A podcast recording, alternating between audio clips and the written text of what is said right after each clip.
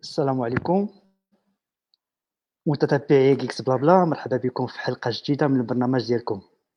اليوم غادي تكون حلقة رقم 60 بالنسبة اللي غيحضر معنا أول مرة فمرحبا في جيكس بلا بلا هو برنامج أسبوعي. واللي بدا من سنة 2018 كنقدموا فيه مواضيع تقنية بلغة دارجة بسيطة. جيكس بلا بلا هو مشروع مفتوح المصدر الهدف ديالو هو إثراء المحتوى المغربي. وأيضا مساهمة في تطوير المجتمع التقني. في بلا بلا كتكون أيضا حلقات اللي كنستضيفوا فيها قصة نجاح مغربي اللي كيشارك معنا ومع المتتبعين. كيشارك معنا فيهم ضيف الحلقة المسار ديالو. املا منا في إلهام وتشجيع ناس أخرين بغاو يتبعوا نفس المسار. الحلقة ديال اليوم مختلفة على باقي الحلقات. اللي غيكون معنا فيها هو أستاذ جامعي غني عن التعريف. قدر بالطريقة قدر بالطريقة التدريس ديالو أنه يكون أستاذ ومرجع لعدد كبير من الطلاب في المجال التقني داخل المغرب وخارجه باسلوب بسيط وسلس. كيقدم كل ما عنده علاقة بالجافا الويب والموبيل وتقنيات أخرى. دي في الحلقة هو الأستاذ محمد يوسفي. في هذه الحلقة غادي نتعرفوا الجميع على المسار ديالو كيفاش بدأ المجال التقني كيفاش بدأ في عالم التدريس. وما ننساوش ما ننساوش أننا نناقشوا معاه مواضيع تقنية أو مواضيع أخرى متعلقة بالجامعة المغربية. فعلى بركة الله نبدأ الحلقة ديال اليوم ولكن بعد هذا الفاصل المعتاد.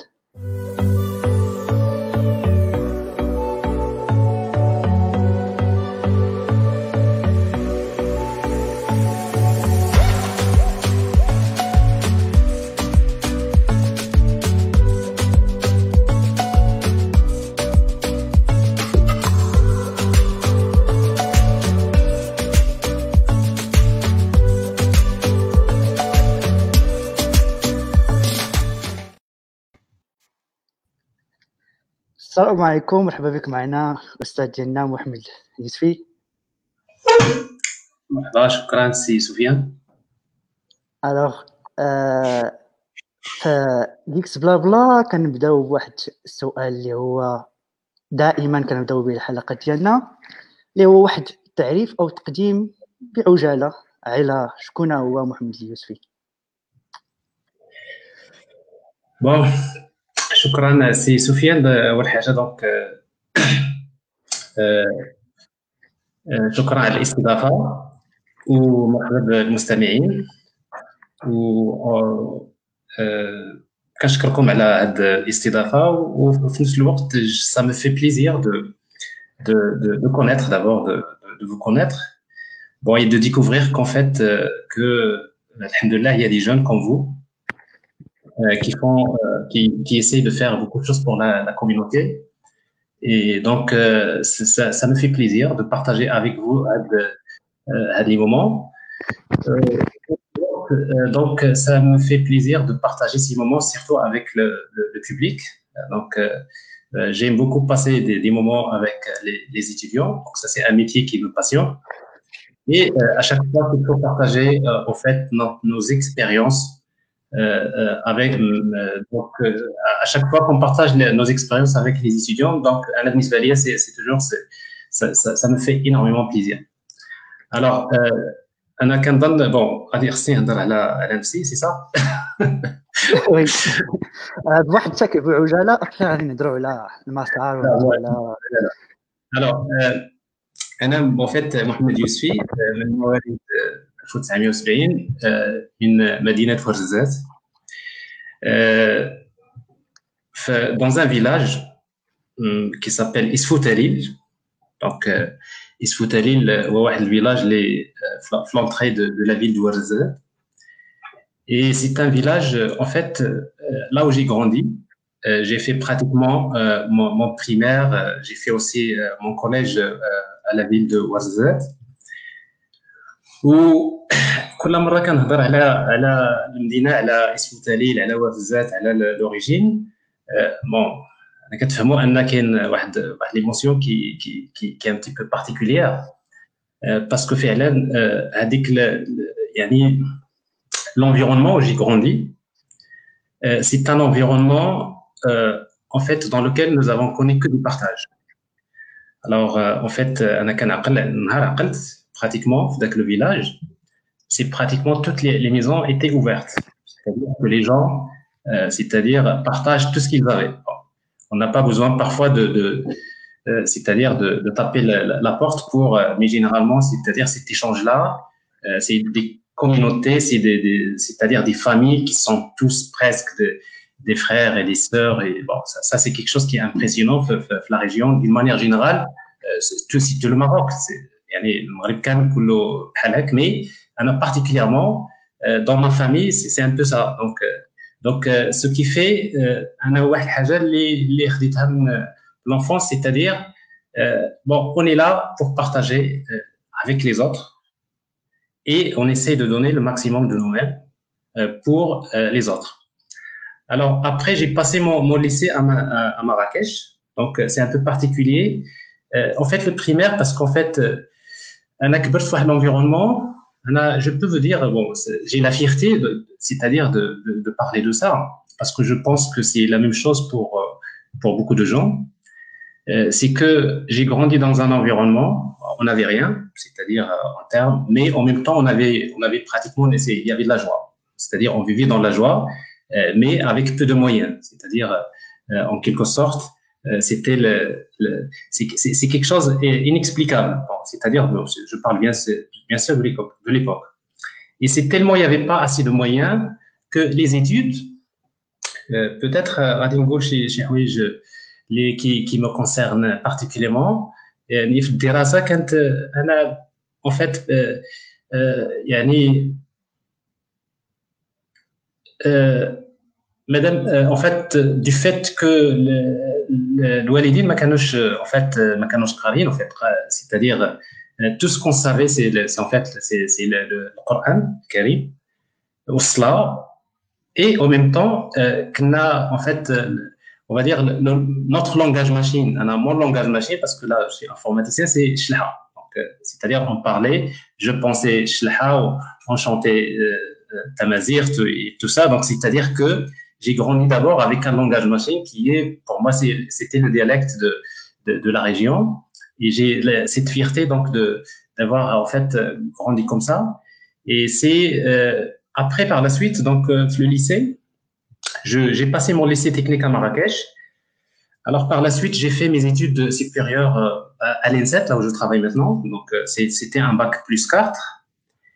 Et on était formés pour être des enseignants. Donc juste pour parler de l'INSET, euh, en fait l'école normale supérieure de l'enseignement technique de Mohamedia, au début, donc il a été créé, c'est principalement pour former des, enseignants en quatre ans. C'est-à-dire c'est une formation pour former vraiment des enseignants qui était destiné à enseigner euh, dans des lycées dans le domaine technique. Globalement, c'était la mécanique, l'électronique, l'informatique, euh, l'économie, gestion, etc. Donc, euh, Anna, j'ai fait mes études à l'INSET et je suis, je suis resté enseignant à l'INSET, donc particulièrement parce qu'en fait, à l'INSET, il y avait, à l'époque, on avait besoin de, en fait, il y avait un besoin énorme d'enseignants euh, ce qui fait les, lauréats des, promotions à l'époque, d'ailleurs, euh, à l'image de beaucoup d'enseignants à l'ENSET, les lauréats de la promotion, on les gardait, on leur donnait un poste à l'ENSET pour former euh, aussi des enseignants, c'est-à-dire on commençait à former les enseignants.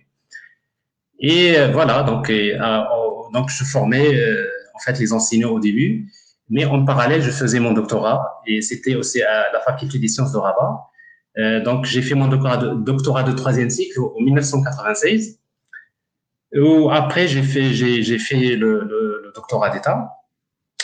Alors, euh, en 96, là, j'ai terminé le, doctorat de troisième cycle.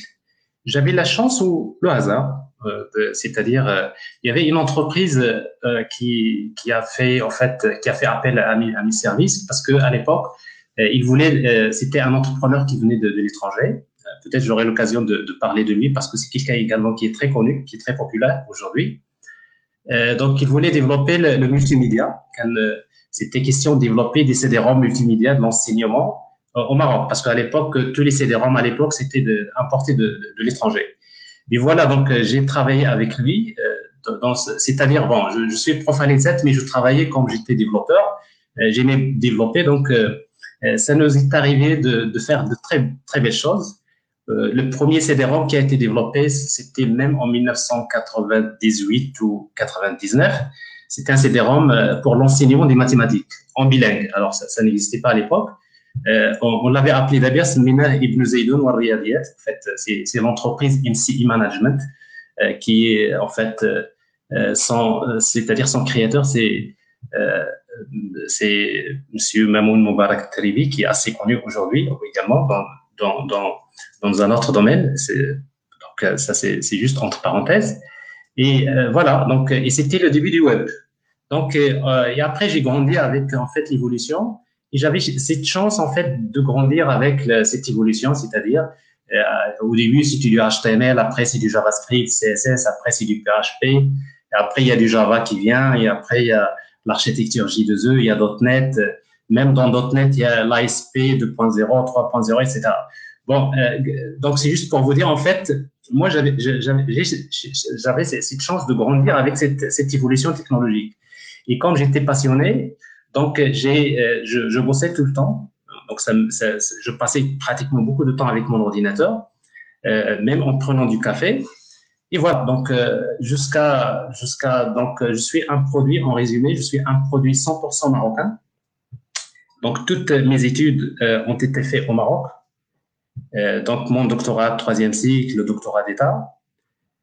mais c'est vrai que dans mes recherches, dans mes travaux de recherche, يعني bon كان عندنا des, des échanges avec c'est-à-dire des, des, universités à l'étranger donc j'ai j'ai fait donc c'était plus aussi des, des expériences d'échange avec l'étranger mais c'est juste pour vous dire voilà donc je suis j'ai la fierté en fait de le dire c'est que je suis un, un, un, un en fait un pur en fait produit de système éducatif marocain euh, mais il faut dire une chose, c'est je suis quelqu'un qui est autodidacte, c'est-à-dire euh, tout ce que je, je, transmets, tout ce que, etc.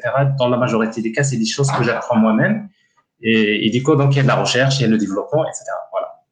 Alors, je vais m'arrêter à ce niveau-là. Je pense que j'ai un petit peu, je vous ai donné une idée sur euh, mon niveau. Alors, غادي نتعرفوا بالتفاصيل على بعض بعض الفترات من هذا الباركور وي غادي نحاول نهضر بالدارجه لو ماكسيموم كو جو بو داكور كنا نقولها ولكن donc غادي j'essaierai un petit peu d'être de choisir on va dire le comment dire le langage بليز ابروبري بزاف الناس كيهضروا على عندهم طلبات يقول لك الدارجة. مي كتن حنا البرنامج ديك بلا بلا كنحاولوا أنه يكون غالبا بالدارجة. ولكن لا يمنع أن المتحدث الضيف ولا أي واحد أنه يهضر بطلاقة. اللي كيهمنا هو أن المعلومة تدوز أن الناس يستافدوا كيف كانت اللغة. دارجة عربية فرنسية ولا اونجلي ولا شلحة مجيرية. الوغ بغيت هضرتي لنا على واحد المسار. كي قلتي برودوي ماروكان ولا منتوج مغربي 100% قريتي في مدرسة عمومية على ما أعتقد. آه كان عندك واحد الباركور من مواجزات مراكش محمدية. في هذا المجال وفي هذا الباركور واش كان عندك هدف أنك تكون أستاذ؟ واش كان عندك هاد لا باسيون بأنك تعلم وتقري؟ او لا حتى لواحد الوقيته عاد حسيتي براسك راه بغيتي تكون استاذ وي فهمتك السي سفيان فهمت السؤال ديالك جو بونس سي اون تري بون كيستيون باسكو انا انا مطبعي يعني toute l'enfance plus زعما les études supérieures jusqu'à bon je suis quelqu'un de timide je suis timide mais en même temps dans mes activités en fait en parallèle je suis musicien donc quelqu'un qui, qui aime beaucoup l'art et de l'enfance, je pratique la, la musique populaire. Enfin, et après, par la suite, toute, donc j'ai voulu avec, c'est-à-dire l'environnement, mais je restais toujours quelqu'un de très timide. Donc, يعني باش نجاوب السؤال ديالك يعني je me suis jamais mis dans la tête que je c'est vrai فاش كنا طلبه en fait تلاميذ etc donc الحاجة الوحيده اللي كت bon الا سولك شي حد كيقول لك اش غتقول لك غتقول له تولي معلم ولا أستاذ مي أنا أنا شخصيا يعني ما كانش كنشوف راسي نقدر زعما نكون ذاك الاستاذ اللي فريمون دو دو ترانسميتر سيتادير سيتادير جافي با سيت سيرتيتود هاد هاد القناعه هذه ما كانش ما كانش عندي ولكن غير انا باش نقول en fait يعني quelque part dans notre dans notre dans notre âme dans notre cerveau nous avons des capacités les capacités, euh, c'est des capacités qui vont sur, euh, surgir les rois, euh, l'insan qui, qui il se découvre lui-même. Donc, depuis que en fait j'ai eu le baccalauréat, كان عندي واحد الميول انني ندير en fait ingénieur donc c'était c'est-à-dire ce que je voulais faire en principe mais في نفس الوقت ذاك ذاك العام كانوا دي كونكور زعما كانوا دي كونكور beaucoup de concours à passer mais il se trouvait que pratiquement هاد l'INSET محمديه c'était juste le hasard parce que كان عندي واحد صاحبي زعما pour vous dire un peu l'anecdote واحد الصديق ديالي qui, qui après qui a fait ses études en Allemagne هو هو كان son rêve c'était d'être enseignant parce que vraiment il voulait être à l'INSET faire ses études وكان صاحبي زعما pratiquement on était des amis presque des frères et euh, le jour où il allait passer le concours de l'INSET, je devrais tout simplement l'accompagner. et il se trouvait que euh, je l'ai accompagné, mais en fin de compte, euh, comme j'avais aussi déposé le, dossier, donc je voilà, donc j'ai passé le concours de l'INSET et j'ai réussi. Et malheureusement, lui, il n'avait pas réussi. Je me rappelle bien, c'est que le, même le, le, crayon, parce qu'il fallait avoir un crayon, un stylo, le crayon que, que j'avais, en fait, lui, il a, il a divisé, en fait, il a, il a ce, ce, crayon qu'il avait, il a, il a divisé en deux. J'ai pris un petit morceau, il a pris un petit morceau, donc le hasard a fait que. Mais quand j'étais l'INSET, là, bon, j'étais un peu impressionné. D'abord qu'il y avait une école comme l'INSET Mohamedia, où il y avait vraiment, euh, c'est vrai, c'est quand même, euh, c'est-à-dire une grande école euh, qui il y avait beaucoup de, très bons professeurs euh, à l'époque. C'est vrai qu'à l'époque il y avait des étrangers, il y avait, un mix entre les Français et les, les, Marocains parce que euh, l'INSET était lancé en 1985, mais après il y avait en fait du partenariat, etc. Euh, mais après, donc, euh, je me suis retrouvé donc euh, en train de préparer ma carrière en tant qu'enseignant. ce n'est que, mais Bnisbalia l'INSET, c'était pas uniquement pour former l'enseignant, mais c'était une école d'ingénieurs. C'est-à-dire, on était formé ingénieur et enseignant. Donc voilà l'explication. Donc, en, terminant mes études à l'INSET, j'étais ingénieur et en même temps je suis enseignant parce qu'on avait une formation pédagogique. Mais en même temps comme oh, dans le, le dans, dans le, le, temps j'ai beaucoup aimé le métier. Et en fait ça m'a fait les premières années. Euh, voilà, donc j'ai les ingrédients d'être un bon professeur. Et comme euh, c'est notre métier, donc euh, quel ijtihad ou en fait voilà. Donc parce qu'en fait واحد الحاجه اللي خصكم تعرفوا ان استاذ donc pour devenir un enseignant d'abord la, la, qualité de, de, de l'enseignant c'est d'être généreux parce qu'en fait si on n'est pas généreux de nature c'est un peu, euh, c'est très difficile d'être un bon enseignant. Parce que si vous êtes généreux, ça veut dire que vous essayez de, de donner de tout ce que vous avez. Bon, au final, la, la caractéristique personnelle, c'est que dans ma vie, je suis quelqu'un de très généreux, c'est-à-dire euh, dans le sens de la connaissance, dans le sens de tout ce qui est matériel, et immatériel. Donc ça, c'est qui m'a dit que euh, euh, bah, les parents, comme mes parents aussi, c'était la même chose, que dans l'environnement comme ça. Et voilà, donc peut-être ce qui explique yani, ma passion de le métier parce que je, passe beaucoup de temps à, préparer des documents. Quand vous avez l'ordre, nous de, de, de, de très bonnes choses pour les, les étudiants et de les partager le plus tôt possible parfois même voilà il faudrait que je, je partage c'est-à-dire cette, cette chose là parce que euh, on sait jamais euh, on peut dormir ne pas se réveiller. Et euh, pour moi la, plus grande la plus grande euh, euh, le, le, plus grand crime enfin je le dis crime qu'on peut avoir c'est que quand euh, on a beaucoup de connaissances qu'on ne partage pas. C'est-à-dire si on meurt si on part si on meurt avec des choses qu'on n'a pas partagées. Bon, ça, c'est un crime. Pourquoi Parce que, à la rigueur, tout ce qui est matériel, même si vous, euh, c'est-à-dire vous partez, euh, il y a toujours euh, les héritiers, hein, on peut utiliser comme, mais en fait, la connaissance, non. La connaissance, c'est quelque chose que vous avez, et elle est faite pour la partager, pour la donner aux autres. Et c'est comme ça qu'on peut faire grandir, le, en fait, le, on va dire le, voilà, le peuple, voilà, tout simplement. Oui. افكتيفمون وهذا هو الشعار ديال كيكس بلا بلا هو لو ودائما تكونوا معنا ضيوف اللي الهدف الأساسي ديالهم هو أنهم يبارطاجيو بدون أي هدف مادي ولا حسابات ولا فقط من أجل نشر المعرفة والثقافة التقنية. الوغ من قبل لا نكمل معك في هذا البوان اللي كنتي كتهضر فيها أستاذ بغيت هنا نشير للناس اللي كيتفرجوا في الحلقة باللي أن الحلقة ديالنا مقسمة لجوج ديال الفقرات. الفقرة الأولى غنديروا فيها على الأستاذ محمد اليوسفي والمشوار المشوار ديالو المسار ديالو.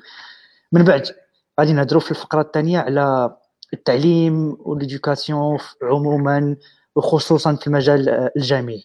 الوغ ممكن أنكم تخليونا الأسئلة ديالكم والملاحظات ديالكم والاقتراحات ديالكم غيكون نقاش آه، اللي هو بناء اللي غادي نهضروا فيه مع الأستاذ. حتى نتوما ممكن أنكم تساهموا فيه عن طريق لي كومونتير.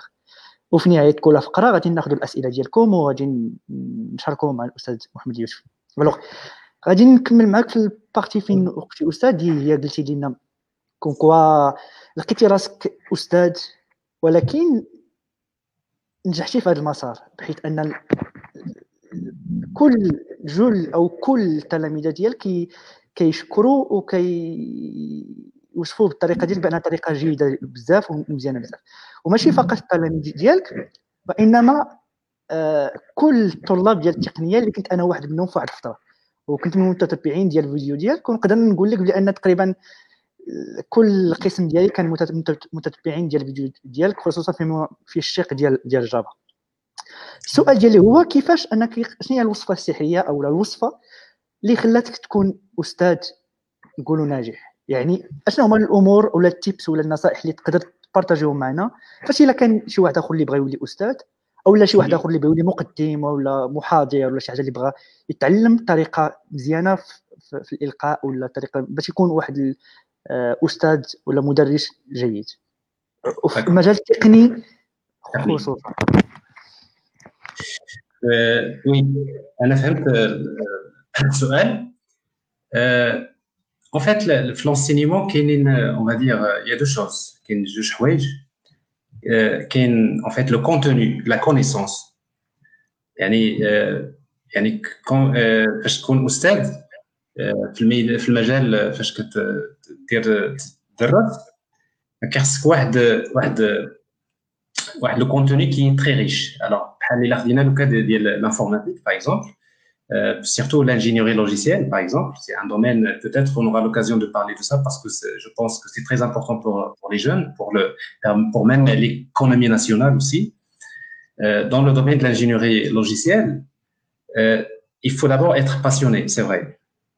Euh, parce que si vous n'êtes pas passionné souvent, vous n'allez pas aimer passer beaucoup de temps à écrire beaucoup de codes à corriger, à chercher la meilleure façon de faire les choses, etc. Donc euh, déjà, bon, euh, Anna, c'est que déjà le métier lui-même, l'informatique, l'ingénierie logicielle, euh, c'est quelque chose que j'ai, je suis quelqu'un de passionné. Donc ça, c'est la, première des choses. Et au, euh, c'est-à-dire يعني بالنسبه لي انا bon c'est toujours il y a des défis dans la vie c'est comme ça que j'ai grandi donc la connaissance il faut que ça soit développé il faut aimer d'abord le métier là où vous enseignez هذا هو اول حاجه ثاني حاجه هي لا بيداغوجي الوغ لا بيداغوجي لا بيداغوجي فيها شقين واحد الشق اللي هو اون va dire c'est lié à la personne elle-même alors كما قلت لك الانسان اللي هو دوناتير جينيرو جينيرو c'est-à-dire dans sa vie ou quelqu'un اللي كيبغي باغ اكزومبل يعطي d'une manière générale, euh, d'une manière générale dans sa vie, euh, ça veut dire que, euh, en principe, il peut servir, il peut servir au maximum ses étudiants. يعني الانسان هذا داكشي اللي عنده راه يعطيه de toute façon ou après, donc, il y a tout ce qui est d'abord, il y a la nature humaine. Donc, c'est-à-dire que normalement, dans le domaine de l'éducation, on devrait être dans ce, ce c'est-à-dire dans cet état. Ou quand de la pédagogie, euh, c'est quelque chose qui s'enseigne. Parce que la pédagogie, euh, c'est un ensemble de pratiques euh, qu'il faudrait connaître et en quelque sorte qu'il faut apprendre et il faut apprendre en fait à transmettre on va dire le, la connaissance il n'y a pas uniquement la connaissance il y a le savoir et le savoir-faire donc les choses à dire il faut il faut il faut savoir les, les transmettre ou la, la, ou la, la, la, chose la plus difficile dans le, en fait la pédagogie هو ان ناخذ لو كا ديال l'informatique l'ingénierie logicielle يعني l'époque فاش فاش تقرينا هنا c'était quoi bon euh, il y avait l'algorithmique, la programmation, base de données, le système d'exploitation. L'assembleur, c'est tout. C'est-à-dire, euh, finalement, il n'y avait pas, il y avait pas, c'est-à-dire, en termes de contenu, il y avait les fondamentaux. D'ailleurs, c'est ces fondamentaux-là qui sont toujours les plus importants dans la, carrière de, on va dire, de, le, domaine de l'ingénierie logicielle. Euh, d'abord, non. Il y a tellement, il y a une grande évolution, ce qui fait dans le domaine de l'enseignement, donc, il faut avoir le recul. Alors, si on n'a pas ce recul sur, euh, c'est-à-dire les choses, comment ils, ont évolué, c'est parfois difficile. Euh, ben, tu ne peux pas donner tout à l'étudiant, parce que si tu veux lui donner tout, ben, généralement, il, fin, il, finira par se perdre. Donc, mais il faut savoir lui donner euh, l'essentiel au bon moment. Parce que parfois, il faut dire, voilà, euh, quand on enseigne, c'est vrai que ça arrive parfois qu'il y a des étudiants qui te posent des questions. Monsieur, voilà, et dans ce cas-là, qu'est-ce qu'on va faire, etc. il y a des questions à laquelle on répond, on va dire, ouais, dans ce cas-là, voilà la réponse. mais parfois, ça m'arrive de lui dire, essaie de patienter euh, laisse ta question pour, euh, pour euh, la, prochaine, la prochaine séance, là, dans deux semaines ou là, dans trois semaines. C'est-à-dire lui organiser sa manière d'acquérir la connaissance. Parce que parfois, l'étudiant, il a parfois, c'est vrai, quelqu'un qui est ambitieux, il a, il a, il a envie de, de savoir tout en quelque sorte. Mais dans la pédagogie, c'est-à-dire, il faut donner l'essentiel dans un premier temps et au fur et à mesure, les, les détails, il y a des détails qui sont importants, mais il faut les faire sortir euh, au bon moment. Voilà. Donc, c'est un peu ça. Donc, mais, mais ça, c'est des techniques qu'on peut apprendre à la rigueur. C'est technique. On peut apprendre euh, par le temps. Ou comme juste un petit, un petit, un, un petit point important. Euh, les euh, tous les enseignants, les enseignants généralement, euh, il a, il a, il a طرحت لي هذا السؤال تشوف الكور ديالو باغ اكزومبل العام الاول فاش فاش غادي يقري باغ اكزومبل Généralement, la première année d'expérience, on, essaye de faire euh, des cours qui sont trop chargés. Il y a beaucoup de, beaucoup de slides, beaucoup de textes, beaucoup de, choses. on a envie de faire tout. Hein. La deuxième année, euh, généralement, on essaie de réduire. Donc, euh, en principe, on va dire ça, c'est vrai, c'est important, mais c'est pas aussi important maintenant. donc, c'est-à-dire avec un peu de, un peu d'expérience, de, de, généralement le, le contenu, on arrive à avoir euh, une méthode pédagogique adéquate à la la matière, à la bien sûr la matière qu'on enseigne.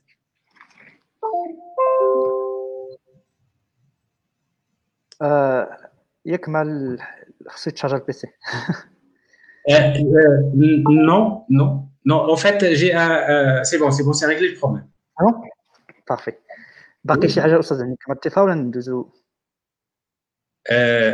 en fait, euh, donc voilà, donc هضرتي على la pédagogie, donc bon, c'est un peu ça. Donc il a تفكر شي حاجه في انا نقدر نفهموا بان البيداغوجيه هي شي حاجه مهمه بزاف فاش تكون حوايج سي سي سفيان فيها لا pédagogie فيها دو شوز هو d'abord il faut travailler sur la personne elle-même il faut il faut avoir de la volonté et être vouloir donner de, de, soi-même être généreux. Et en même temps il faut avoir ça c'est pas c'est pas quelque chose que tout le monde peut avoir parce que euh, dans le euh, c'est-à-dire devant les étudiants parfois il faut vraiment il faut être avec la, patience ça se euh, mais en même temps il y a le contenu.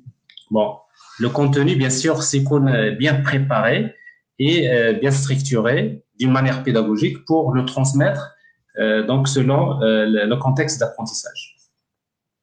Parfait.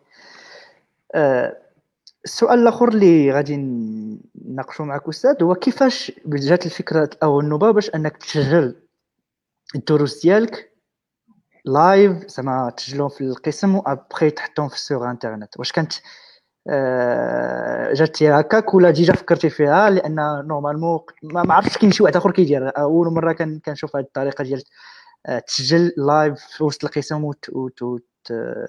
نقول لايف يعني درس مباشره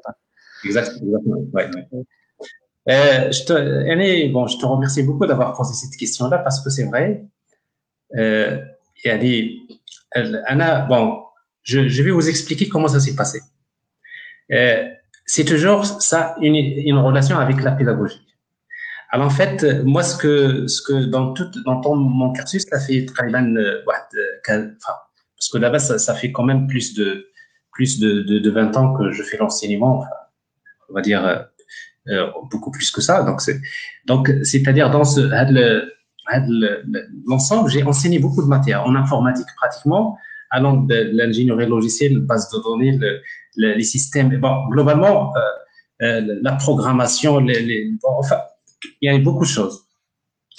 Euh, il, y a, il y a une dizaine d'années, plus que dix ans, je me rappelle pas exactement, c'est que là j'ai remarqué une chose qui est très importante c'est que le contenu qu'on donne aux étudiants, il est trop chargé. Effectivement, l'informatique d'abord, il y, a, beaucoup de choses. Il y a beaucoup, beaucoup de choses. Euh, rien que quand j'enseignais le, Java J2E, donc euh, normalement l'architecture J2E, c'est pratiquement dans même avant le, au début de, des années, euh, on va dire 2000, euh, c'est que les systèmes distribués, tout ça, il y avait tellement beaucoup de choses les étudiants ils, ont, ils avaient du mal à capter tout ça. Mais en même temps, on a envie d'aller plus vite. Donc, au début, donc, ce que je faisais, c'est que je, je, préparais, je passais beaucoup de temps à préparer des documents. Des documents, c'est-à-dire des ateliers dans lesquels on montre, voilà, pour faire cette chose, voilà les, petits détails. Bon, c'est des documents, ça prenait beaucoup de temps aussi pour les préparer. Euh, mais à un moment donné, euh, donc, je, je me suis dit, tiens, bon, ce que je vais faire, euh, j'avais toujours cette, cette, envie de dire voilà, tout ce que je fais, en fait, j'aimerais bien l'enregistrer, le partager avec les étudiants. Donc, euh, après, j'ai cherché, bon, j'ai trouvé un outil de, qui permet de faire la capture écran. Euh, à chaque fois, euh, avec les étudiants, quand je fais des démonstrations, je fais un petit peu des, choses comme ça, j'enregistre, je fais l'enregistrement en classe. Et après, je leur donne, je leur dis, voilà, euh, à la fin de la séance, ils viennent toujours avec leur des, des disquettes, enfin, c'est pas disquettes, des, des disques durs, des choses comme ça, je leur donne des vidéos. Alors, ce que j'ai remarqué? J'ai remarqué que euh, le fait de leur donner les enregistrements que je faisais en classe, euh, il y a des étudiants euh, qui, d'habitude, ils ont du mal à suivre le, c'est-à-dire le, avec le, contenu. Ils ont du mal à, à avoir la maîtrise. Alors, ce que j'ai trouvé, c'est que au bout de, de quelques, quelques, quelques semaines, ben, je trouve que les gens, c'est-à-dire les étudiants, ils se sont transformés. C'est-à-dire quoi? C'est-à-dire que j'ai aperçu que, en fait, il y a des étudiants parfois qui viennent en classe. Et les conditions d'apprentissage ne sont pas toujours bonnes. Parce que quand vous avez un étudiant qui a pris son bus ou qui a un problème chez lui à la maison, je sais pas, et il n'a pas la tête, euh, même si tu lui racontes, je sais pas, même si tu, tu un, un, on va dire, euh, un, un pédagogue, je sais pas quoi, euh, quand il n'y a pas le, c'est-à-dire quand l'étudiant, il n'est pas prêt à recevoir il ne peut pas recevoir. Donc, ce qui fait le fait que j'ai ce qui se passait, c'est que les étudiants, ils partent chez eux la nuit, les week-ends, ils revoient un petit peu les enregistrements, ce que je faisais. Et après, j'ai constaté que mon cours avance très vite. C'est-à-dire, euh, j'ai pratiquement, je n'avais pas des étudiants en classe qui me disent, voilà, j'ai pas compris des, choses comme ça, mais j'ai remarqué quand même que pratiquement tout le monde, euh, euh ils ont à, peu près le, c'est-à-dire, on va dire le, même outillage et tout le monde comprenait facilement. Donc, ce qui me permet d'avancer, d'avancer très vite. Donc, j'ai aperçu finalement que l'enseignement, l'enseignement, il y a, y a fait tout ce qui est euh, synchrone et asynchrone. C'est-à-dire parfois euh, en live, en temps réel, c'est l'occasion de transmettre des choses les plus importantes, etc. Mais également, en asynchrone, c'est que quand vous êtes en live, c'est que les, tu n'as pas la certitude que les étudiants ils sont, ils sont prêts à recevoir, euh, c'est-à-dire ils ont toute leur capacité, on va dire, de, de réception. Parce que la capacité de réception d'un étudiant, euh, ça dépend, euh, ça dépend également qui magnifique du contexte. Parce que en fait, euh, les, conditions ne sont pas toujours euh, les meilleures dans le contexte d'apprentissage. Donc, mais en mode asynchrone, mais parfois il y a des étudiants, j'ai aperçu qu'il y a des étudiants qui, qui, qui, qui ont cette capacité d'apprentissage uniquement le soir. Bon, pour lui, chez lui, à la maison, le soir, il est tranquille, ou quand il est dans un café, il réécoute un petit peu l'enregistrement, il, a, plus, euh, euh c'est-à-dire l'occasion de, c'est-à-dire de maîtriser une chose. Moi, Ali Ashidala, que je parle, ça fait très longtemps, ça fait plus de, de 15 ans. Et après, je, fais les enregistrements. Après, j'ai constaté que, euh, en fait, d'ailleurs, les enregistrements que je fais, je n'ai jamais, parce que je n'ai jamais le temps de, réécouter ce que j'ai enregistré. Parce que pour moi, c'est un peu, c'est-à-dire, euh, euh, voilà, tout ce que je fais en classe, je l'enregistre, je le partage avec les étudiants. Mais ce que j'ai constaté, c'est que mes étudiants partageaient avec d'autres étudiants de d'autres écoles, et qu'à un moment donné, j'ai donc j'ai un peu les échos que pratiquement, euh, c'est que le d'ailleurs, il y a parfois des étudiants qui me posaient la question, monsieur, est-ce qu'on peut, est-ce qu'on peut partager le, le, les cours avec? Ben, Je leur dis, mais bien sûr, mais je, je, c'est-à-dire, c'est, fait pour être partagé. Donc, donc, ce qui fait, j'ai aperçu quand même, il y a beaucoup d'écoles d'ingénieurs au Maroc, euh, beaucoup d'étudiants euh, qui s'échangeaient. Ça, il n'y avait pas YouTube. Enfin, à l'époque, je n'avais jamais l'idée d'utiliser YouTube, etc. Je savais même pas, en fait, je savais qu'il y a YouTube, mais je savais pas qu'on peut créer une chaîne dans laquelle on, on, on allait partager. Donc, mais euh, c'était plus euh, un partage dans le. Mais effectivement, donc euh, quand j'ai un petit peu regardé YouTube, j'ai trouvé que on peut créer une chaîne dans laquelle on partage. Je n'ai pas pris beaucoup de temps, j'ai créé la chaîne et je commence à lancer ces, vidéos, ces enregistrements vidéo. Il y a beaucoup de d'enregistrements que j'ai perdus, enfin, c'est-à-dire parce que euh, parfois ça, consomme beaucoup d'espace, il y a les disques durs parfois qui peuvent etc. Mais en tout cas, je commençais tous les enregistrements, je les, compilais, en fait, je les partageais et je prenais même pas le, temps de, de, regarder un petit peu ce, ce qu'il y a dans ces enregistrements. Euh, c'était pas, c'était juste pour dire finalement, du moment que c'est, c'est-à-dire c'est, c'est un peu c'est du contenu qui est intéressant, qui peut intéresser d'autres, euh, ben on va essayer donc de partager avec un maximum euh, de gens. Ben c'était comme ça. Donc je, je, je mettais des, enregistrements vidéo et après, bon, euh, bon, euh, c'est qu'à un moment donné, j'ai aperçu, euh, c'est pas que j'ai aperçu, on m'a raconté, je vous rassure. Je vous assure qu'en fait, je n'ai jamais jeté un coup d'œil dans ma chaîne pour voir euh, il y a combien de gens qui suivaient les vidéos, il y a combien de, etc. Euh, il y a combien de, de, de partages, des choses comme ça. Bon, pour moi, c'était plus un support comme les autres. bon, je, partageais. Mais après, après, c'est que les gens qui me, me racontaient, bon, vous avez une chaîne qui est très, très, très intéressante. Et, après, j'ai aperçu effectivement qu'il y, y, a beaucoup d'étudiants partout le monde, en fait, surtout le monde francophone. Et là, je le dis bien, c'est en Afrique, euh, pratiquement, euh, c'est-à-dire, euh, c'est vraiment, c'est pour moi, euh, euh, en Afrique, en France, bon, fait, le, Maghreb, même au Canada, etc. Et ce qui m'a fait plaisir et ce qui m'a vraiment encouragé, c'est justement c'est que je commençais à recevoir beaucoup de messages. Malheureusement que je peux pas répondre aux messages parce qu'ils étaient très nombreux. Et après, donc les messages, merci beaucoup, euh, des, des, des, choses comme ça. Alors, ça, c'est la plus grande récompense euh, que je commençais à recevoir euh, c'est-à-dire, euh, bon, ça c'est quelque chose qui fait plaisir à l'enseignant d'une manière générale, parce que quand on a, parce que vous savez, on est dans, il y a ni la reconnaissance, on est dans un pays ou dans un monde. parfois, la reconnaissance, parfois ne vient pas toujours. c'est-à-dire, si vous cherchez la reconnaissance, il faut pas la, chercher à, à l'immédiat. donc, ce qui fait, donc, quand tu, tu, vois un petit peu un message qui vient comme ça, ça te fait plaisir et ça t'encourage. Et bon, ça m'a encouragé un petit peu de, dire voilà, je vais un peu faire de, mieux. Je commençais un petit peu euh, à préparer le contenu, euh, c'est-à-dire passer du temps à faire du montage, euh, peut-être il y a des scènes qui, qui, qui, ne sont pas euh, utiles, donc je les supprimais, etc. Faire le, contenu. Et ça continuait avec YouTube, donc euh, d'ailleurs, euh, c'est un peu le, le, début. Mais après, à un moment donné, bon, j'ai aperçu quand même que c'est, pour moi, c'est l'un des projets, c'est l'un des meilleurs projets que j'ai fait dans ma vie parce que euh, donc, quand je, faisais ça, je le faisais euh, si vraiment dans le, le c'est-à-dire dans le, il faut, il faut, euh, je passe beaucoup de temps à, faire des expériences et quand j'arrive à, à, c'est-à-dire à faire des, choses qui sont très intéressantes, euh, qui, peuvent être partagées, ben, tout simplement, je dis, c'est vraiment les premiers qui, bénéficient de ça, c'est mes étudiants en présentiel, etc. Parce que, comme vous le constatez, pratiquement, je n'ai pas le temps de, d'enregistrer, de, faire des enregistrements chez moi à la maison. Parce que tout ce que je fais, c'est des choses que je fais en classe. Hein.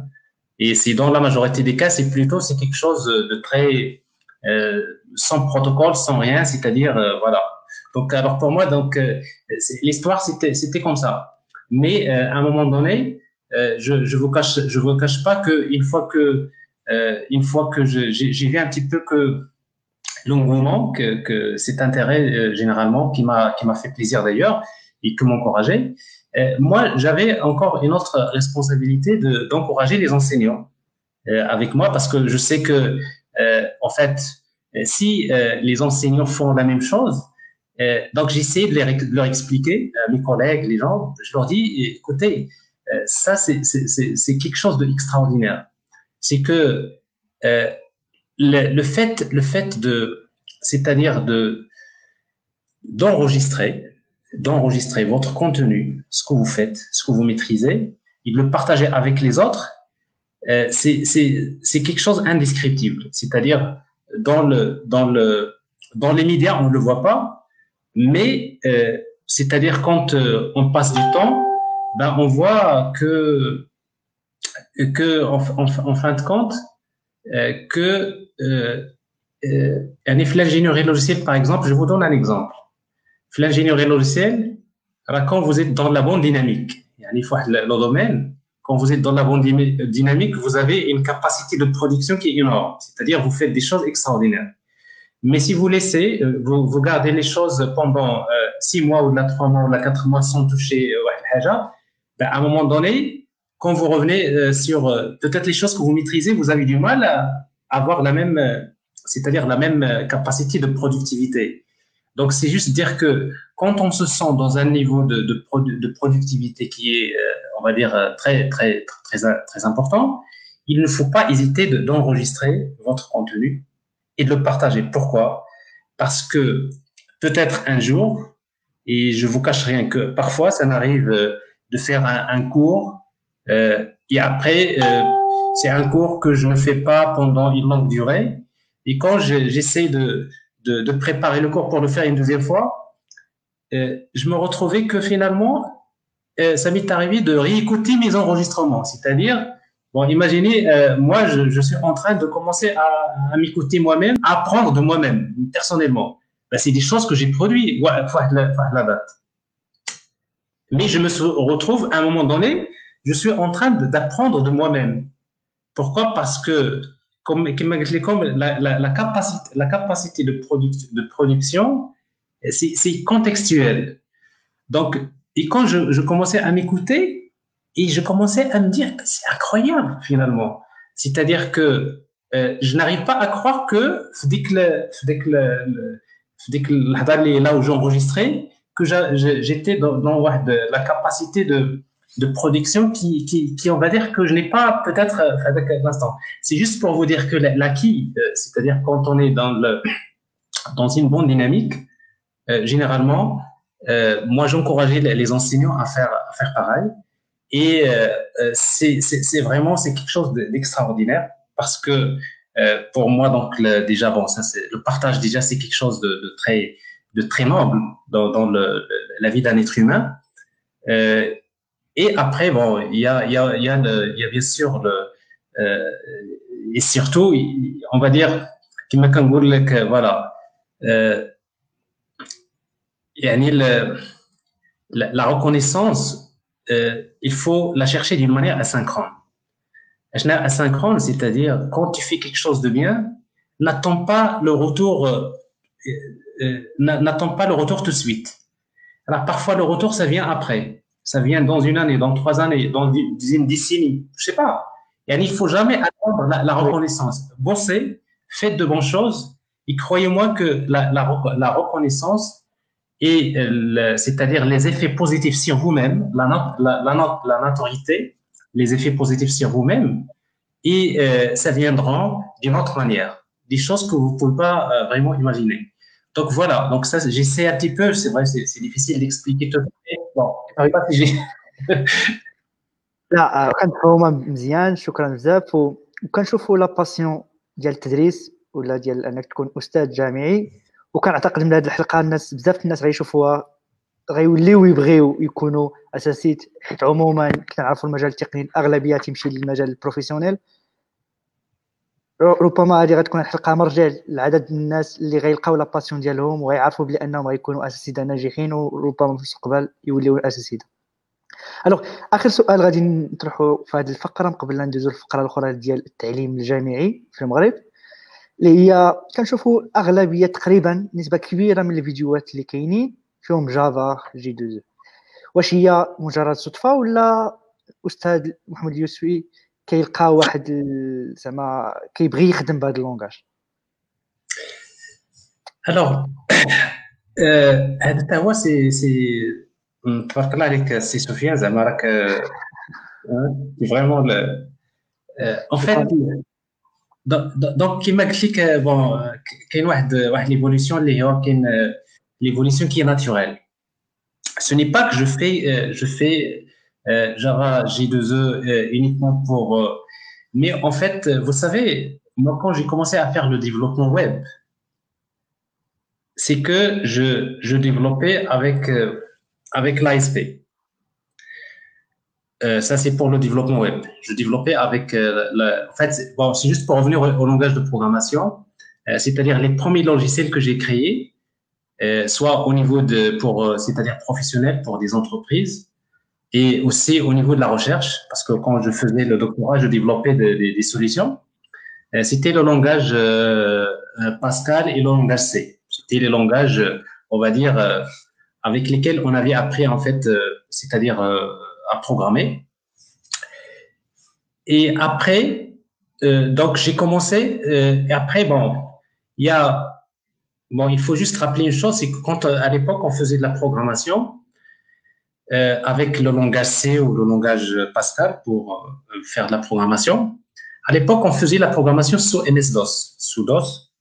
Et à l'époque, euh, la, la, programmation sous MS-DOS, c'est vous avez ce qu'on appelle la mémoire conventionnelle, c'est-à-dire vous avez votre application ne peut pas dépasser 640 kilooctets dans la mémoire.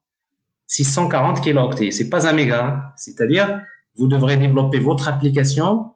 Tout le code que vous écrivez, il va s'exécuter avec toutes les variables, avec tout ce que vous avez. Ça ne devrait pas dépasser 640 euh, kilooctets. Et à l'époque, il n'y avait pas les, c'est-à-dire euh, les, bibliothèques graphiques, les, menus, tout ça. C'est des choses qu'il faut développer soi-même. C'est-à-dire, euh, pratiquement, tu reconstruis toute l'application, la gestion de la souris, tout ça euh, c'est des applications qu'on arrivait à faire. Mais pour la faire, c'est qu'à un moment donné, à chaque fois que tu exécutes, tu vois des choses, euh, dépassement de la pile, et après tu essaies de réduire la pile, tu, augmentes le tas. Euh, c'est, la, gestion de la mémoire, c'était un petit peu quelque chose de, qui était un, un casse-tête pour les, programmeurs, c'est-à-dire il faut optimiser. Quand tu utilises un int ou bien un byte, il fallait vraiment euh, faire le choix. Donc, c'est, c'est-à-dire on était dans des conditions, il faut optimiser ton application, sinon tout simplement il ne va pas s'exécuter. après, euh, donc après le, il y avait l'écosystème de Visual Basic euh, sous Windows. Après, bon, il y a la mémoire supérieure, etc. Euh, et, du coup, donc, on produisait des applications avec euh, Visual Basic, avec des, bases de données, etc. Ça a passé le, le stade. et après, bon, Bon, la programmation orientée objet, c'est quelque chose qui me passionnait parce que c'est quelque chose de vraiment de, de, de bien fait depuis, depuis d'ailleurs le langage C++, etc. Et après, FluWeb. Alors, FluWeb, j'ai commencé à développer avec l'ASP. il y avait la, version 2.0, la version 3.0, 4.0, donc c'était ça. Juste après l'ASP, il y a du PHP. À un moment donné, j'ai basculé vers PHP parce que, en fait, de toute façon, moi, je, en même temps, je développais, mais en même temps, je faisais de l'enseignement. Et j'essaie toujours un petit peu de, c'est-à-dire les, étudiants, c'est-à-dire de, de proposer, parce que l'enseignement, c'est pas uniquement enseigner, mais il faut le dire, parce que nous, on crée des filières, c'est-à-dire euh, des filières d'ingénieurs. Et quand vous créez des filières d'ingénieurs, ça veut dire il faut, euh, tu dois faire l'ingénierie de, de, de, la filière elle-même. Tu dois travailler le contenu. Et dans le contenu, pour l'accréditer, donc il fallait faire les, on va dire les bons choix euh, pour le futur ingénieur. C'est un peu ça. Donc, ce qui nous poussait à travailler avec pratiquement avec toutes ces technologies, PHP. Donc, et en 98, je pense, 98, j'ai commencé, en fait, euh, euh, il y, avait l'évolution du langage Java. Et après, bon, euh, bon Java, c'était le, le, le, début. Et après, j'ai beaucoup aimé, en fait, déjà l'architecture de, bien sûr, du langage. Et en même temps, c'est-à-dire le fait de, de, pouvoir créer des applications multiplateformes, etc., c'est quelque chose qui, qui, qui c'est-à-dire qui était dans mon, mon, esprit depuis très longtemps parce que je me posais toujours moi-même cette question. Euh, et après, bon, voilà. Donc, euh, euh, c'est un peu, c'était le début. Et euh, en fait, le, le, le, langage Java pour moi, c'est vraiment, c'est en fait, le langage Java, c'est un langage qui, qui est bien fait. Et quelqu'un qui fait de la programmation généralement orientée objet, quelqu'un qui veut vraiment faire de la programmation orientée objet et qui veut apprendre les best, les bonnes pratiques de développement, euh, généralement, c'est plus simple au niveau académique et au niveau professionnel de mettre euh, en œuvre euh, les concepts avec, genre, par exemple, les design patterns. il y a l'application de, tous les concepts de l'ingénierie logicielle, c'est c'est quand même un langage qui est très, très, très, très bien fait. Donc, ce qui explique que je l'utilisais beaucoup. Et surtout, avec l'apparition de l'architecture J2E, qui avait euh, parce que bon, ça c'est maintenant, je pense que je, on va pas rentrer dans les aspects techniques, mais euh, il y a le, principe de l'inversion de contrôle, euh, quelque chose qui a bouleversé. Et en fait, dans l'ingénierie logicielle, il y, a, on va dire, je considère, il y a un point d'inflexion. À partir des années 2000, à partir des années 2000, il y a l'approche orientée aspect, la programmation orientée aspect, qui est venu euh, pour permettre de séparer les différents aspects de l'application. Parce qu'en fait, ça, c'est, euh, c'est quand on développe l'application, il y a les aspects fonctionnels, les aspects techniques, la sécurité et le, le, reste. Et avant les années 2000, on ne savait pas comment les séparer. Le seul moyen pour pouvoir, c'est-à-dire réutiliser des aspects techniques dans une application, c'est de faire des copier-coller des codes sources, etc. Donc, c'était assez, assez dramatique. Donc, avec l'apparition de l'architecture J2E, avec le principe de l'inversion de contrôle, ça m'a impressionné. Effectivement, parce que l'architecture J2E, c'est la première qui a euh, qui venue avec euh, le principe de, l'inversion de contrôle. Et après, euh, Spring Framework, euh, c'est, on va dire, pour moi, et ça je le dis toujours, c'est la locomotive, la locomotive de l'ingénierie logicielle. C'est le, framework qui a tiré l'ingénierie logicielle vers vers le haut. Parce que euh, même si les autres langages de programmation suivaient, parce que tout ce qu'on peut faire avec Spring, on peut le faire avec Laravel, on peut le faire euh, avec d'autres frameworks, on peut, etc. Mais il se trouvait que Spring, il est toujours, euh, on va, dire, il y a quand même un stade de quelques années d'avance sur, en fait, c'est-à-dire, c'était, donc, et du coup, donc, quand j'ai retrouvé, en fait, donc, Java avec, a le framework Spring, ben, j'ai trouvé finalement que euh, c'est la meilleure façon de produire des applications de qualité, hein, parce qu'en fait, dans la qualité logicielle, ça, on peut en parler s'il le faut, euh, c'est euh, justement c'est d'utiliser un framework comme par exemple Spring. Et bien sûr, euh, ça ne veut pas dire que c'est obligatoirement utiliser le framework Spring pour développer des applications pour l'entreprise, mais c'est euh, quelque chose qui est impressionnant. Bon, ce qui expliquait que je trouvais que la, et d'ailleurs, je ne suis pas le seul, c'est-à-dire dans le, monde académique, euh, même à l'étranger, euh, pratiquement dans les pays occidentaux, etc. Donc, au niveau académique, c'est le langage Java, c'est le plus préféré pour euh, enseigner les concepts. Ça ne veut pas dire que euh, généralement c'est parce que on, on voyait que le Java, J2E et tout ça, donc c'est un peu l'architecture idéale pour faire passer des concepts fondamentaux. mais après, comme je disais, donc le langage n'a jamais, pour moi, d'ailleurs c'est ce que je dis aux, aux étudiants, à chaque fois je leur dis, c'est que comprenez bien l'évolution de l'ingénierie logicielle. Il faut savoir euh, ce qu'on appelle les points d'inflexion, euh, euh, le principe de l'inversion de contrôle, la programmation orientée aspect, etc. Et il faut voir l'évolution au niveau de la généricité, l'utilisation des annotations et tout, tout, tout. Mais quand vous arrivez là, eh bien, à un moment donné, bon, finalement, pour produire des applications de, de, de grande qualité, euh, bon, il n'y a pas qu'un langage de programmation que vous pouvez utiliser.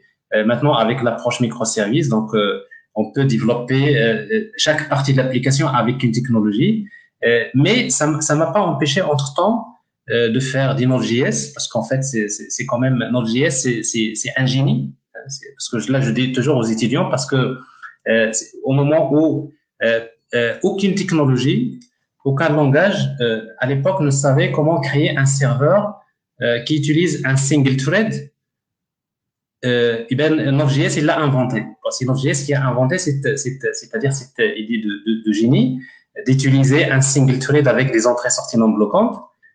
Et mais après, par la suite, les autres technologies ont suivi. Bon, Java d'ailleurs, dans sa version 7, il a introduit le, les entrées-sorties non bloquantes et après, les autres technologies ont suivi. Euh, c'est juste pour vous dire que, euh, à mon avis, bon, quelqu'un qui fait de l'ingénieur, il doit euh, avoir, on va dire, Peut-être un jour, je vais écrire un livre sur cette, cette partie-là parce que j'ai beaucoup de choses à, dire à ce niveau-là. Mais euh, dans l'évolution du génie logiciel, il y a des points, ce qu'on appelle l'inflexion. Hein, donc, les points, il y a une révolution. Hein, donc, les points de, de, de, révolution qui se sont déroulés depuis les années 80 euh, jusqu'à maintenant. Hein, donc, il faut un ingénieur, il doit les connaître. Quand vous parlez à quelqu'un Java, ben vous lui dites Java de la version 1 à la version. Euh, donne-moi, donne-moi les évolutions majeures. Bon, quand vous lui dites Java 8, c'est quoi l'évolution majeure? Ben, Il devrait être capable de dire Ah, il y a les expressions lambda, il y a les, streams, il y a le. Euh, a d'autres, d'autres, d'autres éléments. C'est-à-dire, euh, par exemple, le, la programmation orientée aspect, c'est un point d'inflexion. Le, et après, bon, bon, après, bon, il y a les fondamentaux les fondamentaux, c'est les, les, design patterns, c'est-à-dire le, euh, bon, ça c'est des choses indépendamment du langage. Donc pour moi, quand je, j'enseigne avec, euh, je programme avec Java, euh, quand je fais mon enseignement, euh, c'est euh, c'est d'abord il y a le langage, mais surtout il y a les concepts, les concepts, parce qu'en fait quand j'implémente des design patterns avec Java, ben Java c'est un langage, c'est pour moi c'est l'idéal pour euh, implémenter ces, patterns. Parce que si vous voulez le faire avec du, du JavaScript ou bien du TypeScript ou etc. Donc vous pouvez le faire, vous arriverez à faire tout ça, mais euh, c'est pas la même chose. شكرا أستاذ. ألوغ بغيت نذكر الناس كيتفرجوا فينا بلي أن اللايف كاين في الفيسبوك وكاين حتى في الصفحه في يوتيوب في القناة ديال جيكس بلا بلا بالنسبة للناس اللي بغاو يتفرجوا في اليوتيوب راه يمكنهم إي معنا اليوم يوسف العزيزي اللي هو المراسل ديالنا من فيسبوك ويوتيوب واللي غادي يقول لنا شنو هما الأسئلة اللي كاينين في الفقرة ديال الأسئلة قبل ما نبداو الفقرة الثانية. أوكي شكرا سي سفيان. صراحة ممتع الحديث مع السي الاستاذ ديالنا السي يوسفي. مالك مشيتي سفيان. سفيان بغى يرتاح شوية. أو برانسيب أنا تبع لي كومونتير صراحة لي كومونتير اللي كاينين تسايني قبل ما نبدأ لي كومونتير بغيت نشكر الأستاذ ديال في صراحة اللي اللي كان يعني فاش آه، دوموندينا أنه يجي معنا نزولا عند الرغبة ديال بزاف ديال الناس اللي كيتبعوا البرنامج. ما قالش لا وصراحه كان يعني في اقرب جو غير هذه واحد السيمانة ولا ولا ولا قل يعني في ساعه فيكسينا الأمور دونك شكرا بزاف سيريوس في وصراحة هذه من الحوايج اللي بزاف ديال الناس كيعاودوا عليك أنك كتكون ديما انتراكتيف مع بنادم شي حاجة اللي زوينة بزاف.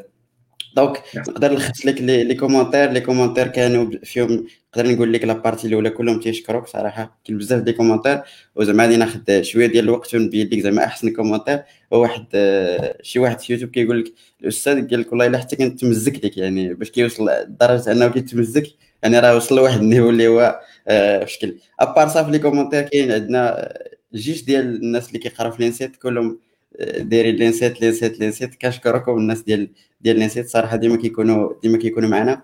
وكاين لي كومونتير ديال لونغ.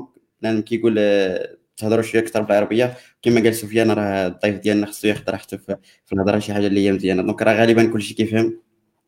أوكي. دونك اللي بغيت نقول لك صراحة السيد اليوسفي الحلقة 60 في جيكس بلا بلا. وباش نكون زعما صريح في هذه القضية هذه ديما كنجبدوا شي موضوع على البروغراماسيون مع لي ستوديون كيسولونا شي وحدين ديما كيكون واحد شوية العتاب على المدرسة العمومية اكسيتيرا التعليم العالي بدات داكشي اللي كتقرا راه ابسوليت اكسيتيرا كاين بزاف ديال الحوايج بحال هكذا ولكن الملاحظ زعما في الطريقة ديال الأستاذ يوسفي كسوا في يوتيوب اكسيتيرا هو أنه ديما كيقرب بارفوا الجديد. تقدر تشوف لي التوتوريال دابا كتلقى اونغولار الآخر كتلقى سبرينغ الآخر بغيت نعرف أنا الأستاذ يوسفي كيفاش كي كيقرا هذا الجديد هذا واش حيت فريمون صعيب.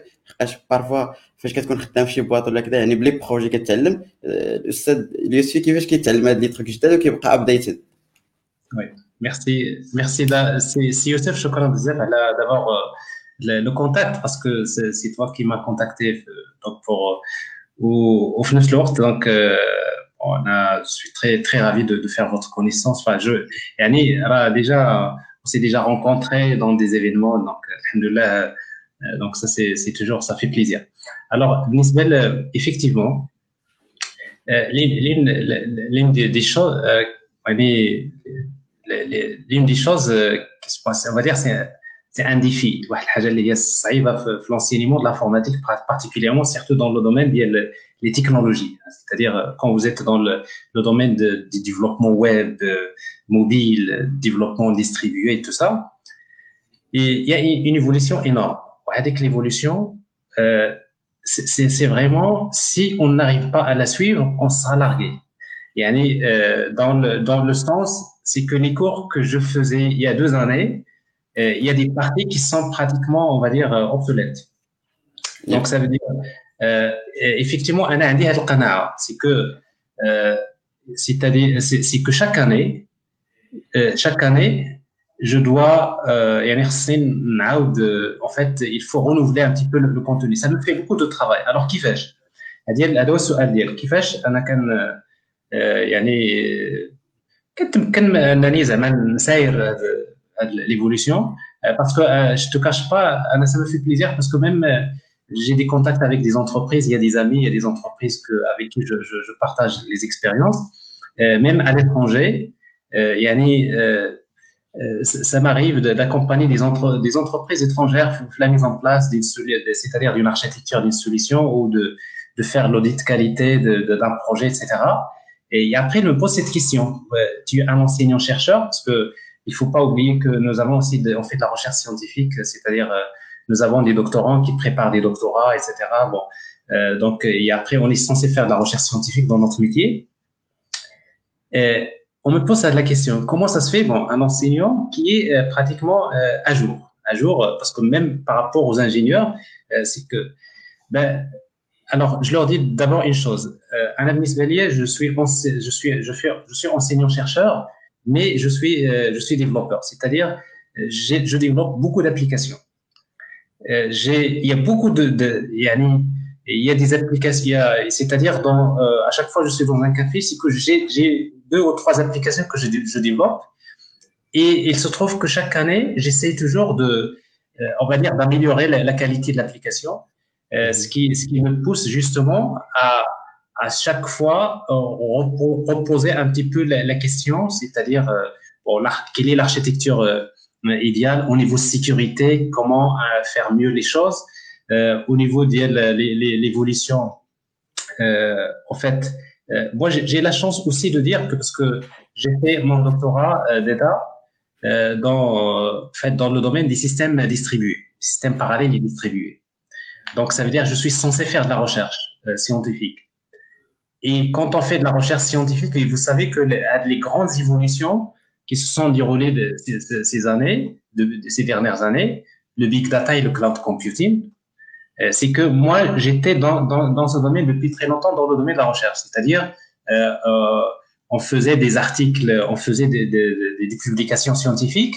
Euh, parfois, on étudie des choses avant même qu'ils arrivent peut-être euh, à, à, arriver vers l'entreprise. il y a beaucoup de choses qui, qui c'est-à-dire sur lesquelles dans les, les, les conférences, euh, les conférences scientifiques, généralement, on discute toujours que, comment améliorer les performances.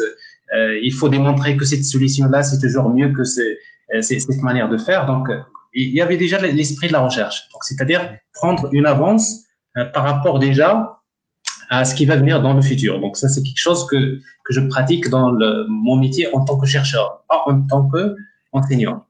Deuxième, c'est que je joue aussi le rôle de, on va dire, d'ingénieur développeur. C'est-à-dire, je passe beaucoup de temps à écrire du code, à développer des applications pour, euh, euh parfois pour, euh, pour moi-même, pour l'université, pour, euh, pour notre établissement, pour les, les, amis, pour euh, parfois, je développe euh, parfois des, des, applications juste parce que je, je, je voudrais les, les, prendre comme use case à utiliser pour développer un cours. C'est-à-dire, euh, et d'ailleurs, que vous le remarquez, bon, chaque année pratiquement dans mes cours, et il y a toujours un, un exemple d'application, mais cet exemple d'application, finalement, pour le préparer, j'essaie d'utiliser euh, pratiquement tout ce qui est nouveau. Alors, il y a, y a beaucoup de, de nouveautés, donc voilà. Donc, c'est un peu une partie de la, la, la réponse. Euh, mais euh, effectivement, c'est ça demande beaucoup de beaucoup d'investissement. Sincèrement, c'est parce que si on investit on n'investit pas beaucoup de euh, de temps, euh, c'est vrai que les vacances, on passe des vacances. Euh, et quand vous êtes pendant les vacances, et je suis sûr que c'est la même chose pour les gens qui font de l'ingénierie logicielle, c'est que souvent, moi, je me réveille toujours le, très tôt. Hein, à 6 heures du matin, 7 heures du matin. Et j'en profite même pendant les vacances d'été.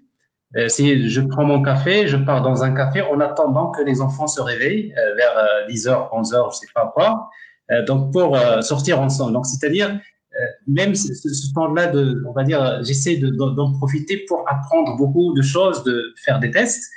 donc ce qui explique que pendant les, vacances d'été, pour moi c'est l'occasion de trouver le temps pour voilà pour euh, euh, apprendre aussi des autres. Parce qu'il faut le dire, euh, même si je, partage mon contenu, mais moi aussi sur YouTube, c'est-à-dire, je, je le dis, c'est un peu, je, cherche quelque chose, je le trouve, je mets mes écouteurs et j'essaie de, voilà d'apprendre des autres. Donc ça, c'est quelque chose qui, qui, qui me passionne. Voilà.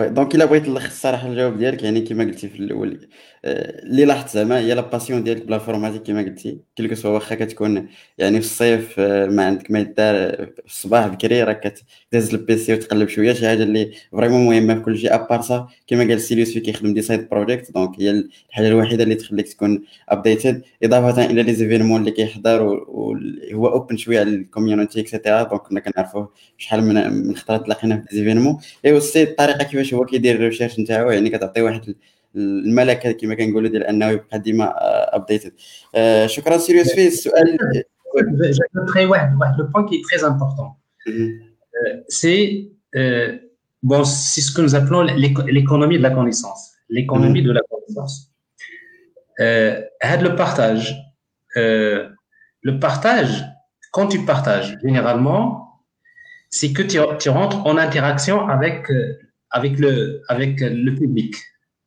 et quand tu rentres en interaction, l'interaction, c'est l'interaction, c'est bon, en fait, avec le avec l'interaction, tu apprends des choses. Exactement. Donc c'est juste pour dire en fait, euh, partager, c'est évoluer. Et là, je le dis toujours comme ça, c'est que plus je partage, plus tu évolues. Oui. Plus plus je partage, plus j'évolue. Ça vient, ça c'est démontré dans la littérature, l'économie de la connaissance, euh, c'est que euh, quand je te donne euh, la, connaissance, c'est que tu interagis avec moi. Et quand tu interagis avec moi, c'est-à-dire moi j'apprends aussi. Oui. Et si je n'apprends pas de toi, mais j'apprends peut-être à travers une critique que j'apprends que je devrais faire mieux. Et ça veut dire que c'est ce qui pousse un peu les gens à aller vers, vers, vers l'avant. Ça, c'est juste entre parenthèses. وي. صراحة كما قلتي البارطاج شي حاجة مهمة بزاف وهي اللي كتعاون. يعني قبل أنا مازال كنانسيستي على هذيك القضية ديما كنقولها في كيكس بلا بلا مثلا أنك بدأت تبدا تكتب دي بلوغ اوبن سورس اكسيتيرا كتعاونك أن مثلا كتبغي تكتب غير شي حاجة على كتكتب عليها بلوغ بدأت كيكون عندك دي زيدي وما متأكدش واش هما صحاح 100% ولا لا. كتمشي تاكد تقلب مزيان عاد باش كتكتب هذيك القضية. هذيك كتفيدك إضافة إلى لي كومونتير اللي غادي يجيوك. واحد السؤال اللي كي اللي كي كيسولوه بزاف الناس الصراحه أنا كنشوف انطلاقا زعما من من الاكسبيريونس ديالي اللي تيشر يعني الأساتذة عندهم واحد المشكل ديال أنه بيتيتر ما حنا عارفين بأن النيفو ديال التلاميذ شي طالع شي هابط خصوصا في الدومين الانفورماتيك شي حاجة اللي بيتيتر واحد كيقرأ بوحدو من الباك كيفهم الانفورماتيك كي بيتيتر كيعرف يهاكي ولا شي حاجة. الآخر يلاه بدا عامين ديال السي بي تيقرأ الماط واحد الشيء دخلتي الانفورماتيك. انت كيفاش كتعامل مع القضية ديال أن النيفو كيكون متباعد جدا ما بين لي ستوديون ديالك وكتخلي راسك يعني كلشي يستافد؟ وي. الوغ فعلا. هذا هذا واحد الحاجة مهمة بزاف. اون فيت دخلت في النطاق ديال لا بيداغوجي اون فيت يعني يعني كون كون ملي كيكون عندك الطلبة يعني فعلا كتلقى parfois même au niveau des prérequis. يعني donc les prérequis ils n'ont pas tous les, les mêmes prérequis il n'y a pas que les prérequis attention. Il n'y a pas que les prérequis mais les conditions d'apprentissage. C'est-à-dire, Talib, par exemple, quel est dans c'est-à-dire dans un état, il n'est pas prêt pour, pour, pour, on va dire, être un récepteur. Donc, ce qui fait, euh, moi personnellement, euh, je sais pas, peut-être avec l'expérience ou là, je sais pas comment expliquer ça, mais euh, ça m'arrive de, de, scanner les visages des étudiants facilement. C'est-à-dire, globalement, c'est un peu le, j'ai le feedback, en fait, le scanner, et, je sais pas, ça, c'est quelque chose que je ne peux pas expliquer. Et euh, en fait, ça m'arrive justement de, de, voir, de voir, euh, c'est-à-dire de, de, de, voir, de, scanner la situation et de savoir à un moment donné peut-être, euh, peut-être il faudrait, il faudrait, il faudrait peut-être euh, voilà histoire je ne sais pas. Mm-hmm. tu casses tu casses avec le rythme euh, le sérieux. Euh, bon ça c'est même ça je c'est vraiment naturel. Euh, ça vient tout seul. Donc et en même temps c'est que quand j'explique دونك اي او ميم طون ديما كندير في بالي واحد الحاجه سي كو كون جيكسبليك جيكسبليك ديما في بالي راه واحد ما واحد الحاجه ديجا كو جي ديجا اكسبليكي اوبارافون يعني ميم سي جو لي ديجا اكسبليكي جو مو دي با voilà tout le monde connaît ça mais à chaque fois j'en profite pour glisser. Euh, par exemple, si vous vous rappelez, euh, dès que j'avais parlé de. Euh, Anna, en fait, euh, Anna, je sais qu'il y en a ceux qui, mais par cœur. ولكن je sais également que غادي يكون يعني شي طلبه في القسم اللي qui ont dû rater هذيك هذيك la chose. Bon, j'essaie de un petit peu de, de, de la faire sortir. Bah, effectivement, c'est toujours, il y a toujours de, de, des étudiants qui, qui essaient, de, on, on, essaie d'embarquer de, tout le monde. Yani, tout le monde s'accroche. Hein, c'est un peu, yani, il faut, il faut pousser le, tout le monde à, à, à s'accrocher, même si euh, parfois tu vois, يعني كتلقى شي شي طلبه بعض المرات كيبان لك ان زعما c'est-à-dire on va dire il atteint sa, sa, sa limite mais qui lui donne toujours avec l'espoir. Enfin, l'espoir, c'est-à-dire, tout est facile.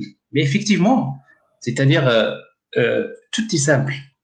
Il y a prendre, euh, prendre la chose dans le bon, le, le bon endroit, ben, on trouvera que finalement, que, que c'est très simple de maîtriser les choses. Et le, le domaine de l'éducation, peut-être, je sais pas, c'est une thématique à l'université, c'est ça mm. Oui, غادي ندوزو لليونيفرسيتي من بعد هذا السؤال مي افكتيفمون في يعني في لو سيستيم دو ليدوكاسيون كاين واحد واحد الحاجه اللي ان بو سميتو سي كيستيون دو بارفوا يعني هذاك الطالب كيدوز في واحد واحد لا سيتياسيون دابرونتيساج مع بوتيتر واحد الاستاذ اللي بوتيتر هو يعني يعني ما فهمش مزيان ولا بوتيتر il n'a pas fait داك ليفور ولا بوتيتر كان واحد un blocage, je sais pas.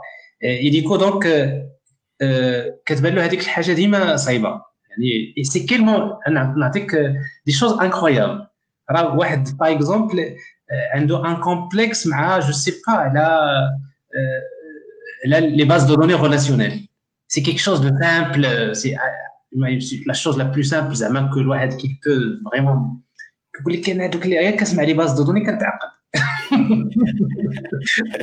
وي وانت شوف دابا راه هو كيقول لك انا بون جو بروغرام سميتو ولكن كنقول لها اجي اجي بس سا سي بلي سي دي سي دي بلوكاج بسيكولوجيك يعني علاش لان الوقت اللي بوتيتر كيل دوفري افوار سا il l'a prise du mauvais, côté et du coup, il n'a pas su s'en sortir. Et, effectivement, moi, j'en profite euh, à un moment donné que, dans un exemple, tu expliques les choses d'une manière un peu plus pédagogique et les gens découvrent finalement, c'était pas aussi compliqué que ça. C'est juste. Euh, voilà. آه شكرا أستاذ المهم باي ذا واي في لي كومونتير كيكومونتيو لي حتى لينسا زعما راه كيحيوك فاش قلت لي نسيت في الأول دونك حتى دابا لينسا واخا سيدي دونك جو كخوا غادي ندوزو عند سي سفيان باش نكملوا لا بارتي الثانية اللي غادي تكون صراحة شوية انتراكتيف أكثر في البارتي الاولى عاود لينا السي محمد على الباركور ديالو سي سفيان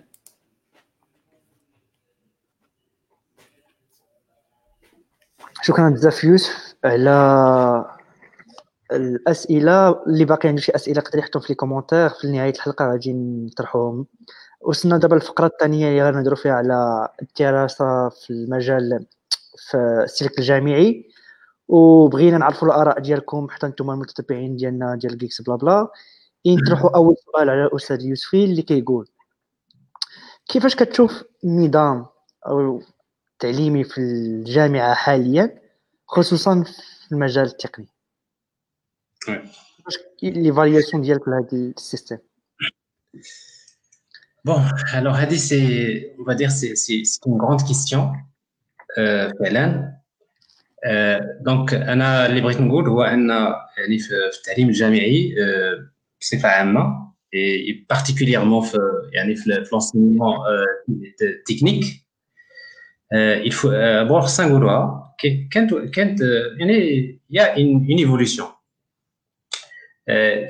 كاين دي شوز بوزيتيف يعني دي انديكاتور بوزيتيف اللي هما يعني في هاد لا ديرنيير ديسيني il y a des choses qui sont bien faites, il y a une évolution qu'on qu qu peut voir وهذيك l'évolution euh, يعني ça, يعني on peut la, on peut la, la palper euh, notamment dans le domaine de la création des filières euh, c'est-à-dire d'ingénieurs etc donc il y a quand même le paysage euh, maintenant, il y a les ENSA, il y a, quand même beaucoup d'écoles d'ingénieurs, euh, notamment dans le domaine de l'informatique.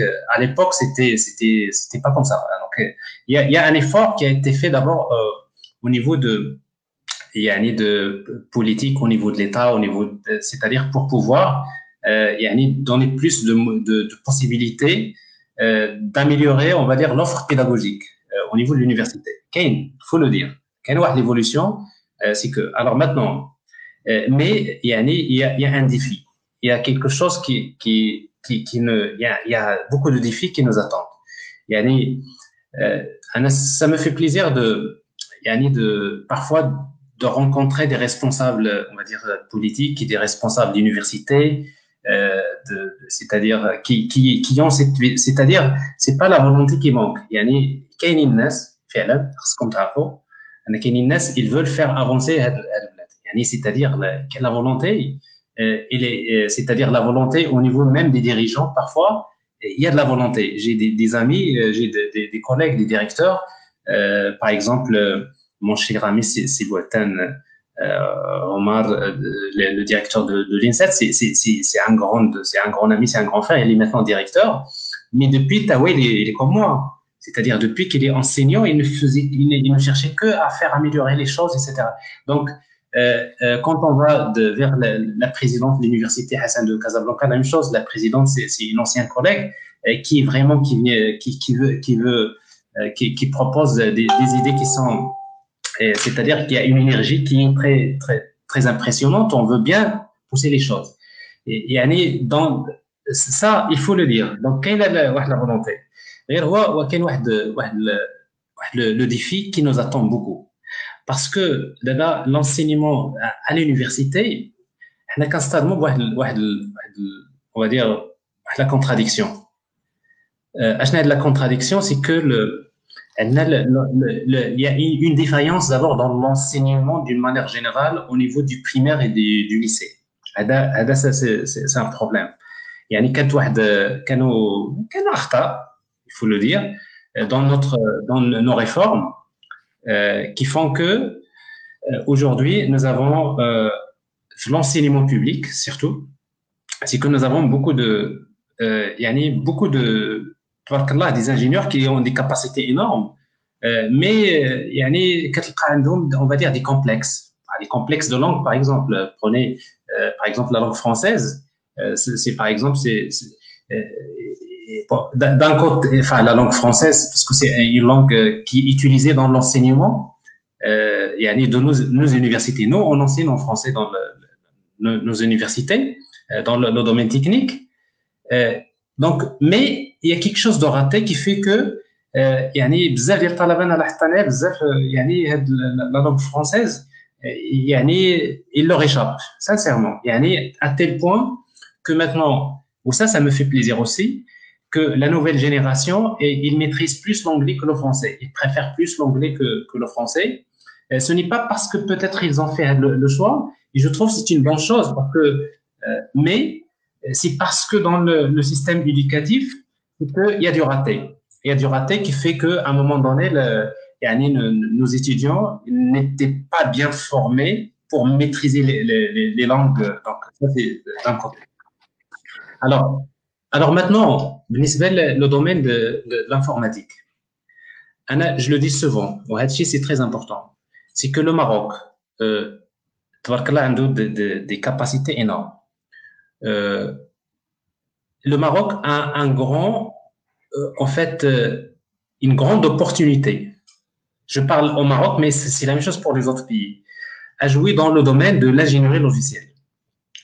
Yani c'est un domaine là, on peut, euh, on peut vraiment euh, devenir une force d'exportation du logiciel à, l'étranger, c'est-à-dire on peut, euh, à l'image de d'autres pays qui ont fait ça, et ça, on peut, on peut le faire. Alors, mais il y a quelque chose qui doit être fait. Il y a des réformes, il y a des, des choses qui devraient être notamment repensées, parce que pour dans l'ingénierie logicielle, vous savez, si, si, si, je prends mon stylo, malheureusement, je ne vais pas le faire maintenant. Euh, je vais commencer à dessiner des choses un peu bizarres. euh, mais il se trouve que il y a quelque chose de très important dans le domaine de l'ingénierie logicielle. Il y a le, euh, il y a le socle. Parce qu'en fait, l'ingénierie logicielle, qui on va dire, les, les, traitements et les données. Il y a le, le, il y a l'algorithmique, programmation, les la matière qui est très très importante. Les, normalement, c'est une matière qui devrait se faire pour tout le monde dans l'enseignement universitaire. J'imagine par exemple dans l'enseignement, avec l'algorithmique et programmation, c'est un module qui devrait se faire euh, pratiquement dans toutes les filières dans le, le bac plus 2. Et à la fac, la fac, par exemple, dans le, les, les, les, licences fondamentales, les Waycon vraiment euh, un module qui m'a les filières d'ingénieurs et c'est quelque chose, c'est c'est c'est c'est comme si vous enseignez la langue maternelle. Et peut-être même dans euh, peut-être même il va falloir que le commencer à partir du lycée ou là je sais pas quoi. Et en tout cas, euh, il y a une évolution dans ce sens. C'est ce qui fait, il faudrait euh, même si peut-être euh, euh, il y a des tous les enseignants qui, qui peuvent euh, faire les choses dans toutes les facultés, etc., qui, peuvent faire ça, mais Nisbalier, c'est un module fondamental qui m'a les mathématiques parce que les mathématiques, c'est très important dans le domaine de l'informatique. Et bien, tout simplement, euh, les, les fondamentaux de, de l'ingénierie logicielle, ils doivent être faits vraiment, il y a euh, avec les qui la médecine ou avec les la biologie ou celui qui fait la chimie, celui qui fait l'informatique, celui. Mais ça, c'est quelque chose, c'est quelque chose qui devrait se faire. Euh, il y a les la, culture. Il faut, il faut que ça soit fait d'une manière fondamentale ou euh, talaba généralement. Vous savez même à la faculté, parce que je parle de la faculté, parce que ça on oublie souvent, c'est que la grande masse des étudiants, parce que il y a des, les écoles d'ingénieurs, c'est vrai, parce que dans les écoles d'ingénieurs, vous, vous, avez quand même un public euh, limité, mais une grande masse dans les facultés qui sont vraiment perdus. Euh, c'est-à-dire, euh, il y a beaucoup d'étudiants qui passent beaucoup de temps à la fac. À un moment donné, il y a beaucoup d'abandon. C'est là, je trouve qu'il y a beaucoup de malheur. Alors que euh, donc avec le, le cursus, euh, on peut, on peut faire, il y, a, y a des choses, il y a, il y a, des choses qu'on peut faire. l'idée, c'est-à-dire, euh, euh, le domaine, par exemple, l'algorithmique, l'intelligence artificielle, l'algorithmique, programmation, mathématiques, intelligence artificielle, ça, c'est l'affaire de tout le monde. Alors, oui, après, par la suite, on va voir que dans, le, dans le, les, les, les écoles d'ingénieurs, on aura vraiment, euh, c'est-à-dire une capacité, c'est-à-dire des gens qui trouvent vraiment les fondamentaux. Là, je vais vous dire ouais, la chose qui est très importante. Vous savez, par exemple, pour accéder, pour accéder à l'INSET, euh, il faut passer un concours. Et dans le concours, euh, il y a deux matières pour, accéder, pour euh, accéder euh, aux filières d'ingénieur. Euh, les mathématiques et l'algorithmique, programmation? C'est vraiment, c'est, un peu. Et euh, ici là où il y a le, le, on va dire le, c'est là où blesse.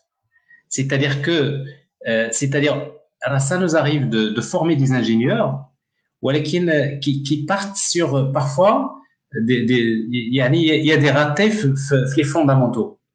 On n'a pas euh, et on n'a pas vraiment préparé, euh, c'est-à-dire le, c'est-à-dire le, les ingénieurs euh, pour aller plus loin dans le métier. Parce que pour moi, dans le domaine de l'ingénierie logicielle, euh, il faut pas s'arrêter uniquement sur euh, voilà, c'est étudier aux gens à utiliser des frameworks pour développer des applications web et mobiles.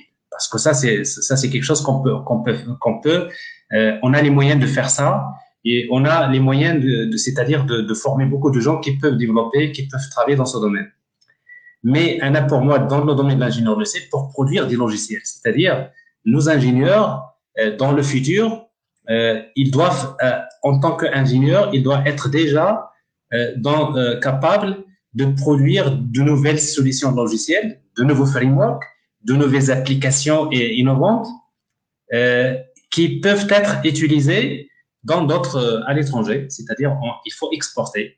C'est à nous de créer de, nouveaux frameworks, c'est à nous de créer de nouveaux middleware, c'est à nous de, de, créer des nouvelles, des, des nouvelles, de nouveaux algorithmes euh, qui permettent de résoudre de problèmes de, de paiement électronique, de sécurité, des, des choses comme ça. C'est-à-dire, euh, il faut qu'on qu arrive, euh, la, notre formation d'ingénieur, c'est que quand je suis dans la dernière euh, année d'ingénieur, c'est que l'ingénieur, ça y est, c'est, ce n'est plus le, c'est, il est dans un état où il commence à innover. C'est vraiment l'innovation. Ils n'ont pas, euh, c'est-à-dire que à un moment donné, il arrive, il fait ses pas dans l'entreprise, et après, il est noyé dans les, les aspects techniques de, on va dire, des développements, des les frameworks, etc. Donc, euh, donc voilà. Alors, bon, euh, il y a, il y a en fait dans le, il y a, il y a des choses qui sont, euh, qui, qui, qui, il y a une évolution. Euh, euh, le grand, le grand malheur que nous vivons, en fait, il faut le dire, c'est que nous sommes dans un domaine, en fait, il n'y a pas que l'éducation, c'est que tout le monde est débordé. Ah, c'est incroyable. Alors, tout le monde est débordé. C'est-à-dire, c'est pas que les gens ne veulent pas faire ou là. Alors, c'est incroyable. C'est-à-dire que euh, l'organisation, il est faite, c'est vrai, euh, euh, c'est-à-dire, euh, parfois, peut-être il y a manque d'enseignants, de, parfois il y a manque de, personnel administratif, ce qui fait que parfois, les gens, mais croyez-moi que les gens, ils font le maximum d'eux-mêmes pour que, pour que ça marche. Mais après, ça marche, enfin, ça marche, c'est-à-dire pour, pour que ça, pour éviter que ça marche pas, mais c'est-à-dire, on fait, on fait un peu ce qu'il faut pour, mais les gens, ils sont débordés de façon à ce que on ne laisse pas, et les projets, les projets, les romans euh, dans lesquels on passe beaucoup de temps à repenser, à court terme, à moyen terme, pour préparer des générations, malheureusement, les projets, c'est rare. Et là, je l'ai euh, dans, dans un mois, ça, y est, il faut, il faut faire ça, etc. Dans deux mois, euh, euh, le, le, dernier deadline d'accréditation des filières. Bon, euh, vous voyez, donc c'est-à-dire on est on est dans le, c'est-à-dire dans la manière la planification. Euh, on n'a pas de la planification à moyen terme. La planification, elle est vraiment, vraiment, on va dire, court terme. Donc, quand on est dans la planification court terme, on gère les problèmes au quotidien. Non, vraiment les problèmes au quotidien, c'est-à-dire, euh, tu sais, on a les Marocains, ou on a vraiment qu'un c'est-à-dire le monde éducatif, euh, depuis par exemple la situation du Covid, euh, c'est que il y a une l'agilité incroyable. C'est que les gens, euh, c'est que la première semaine, c'est vrai, les gens ne savaient pas ce que c'est Google Meet, ne savaient pas ce que c'est les outils de, de, de, de, visioconférence, Zoom, etc. Et ils savaient pas c'est quoi une tablette graphique, ils savaient pas, ils savaient pas. Donc, mais bon, la situation, c'est que les gens, ils ont réagi. Et vous savez qu'il y a des gens qui, qui, n'ont même pas l'habitude d'utiliser un ordinateur.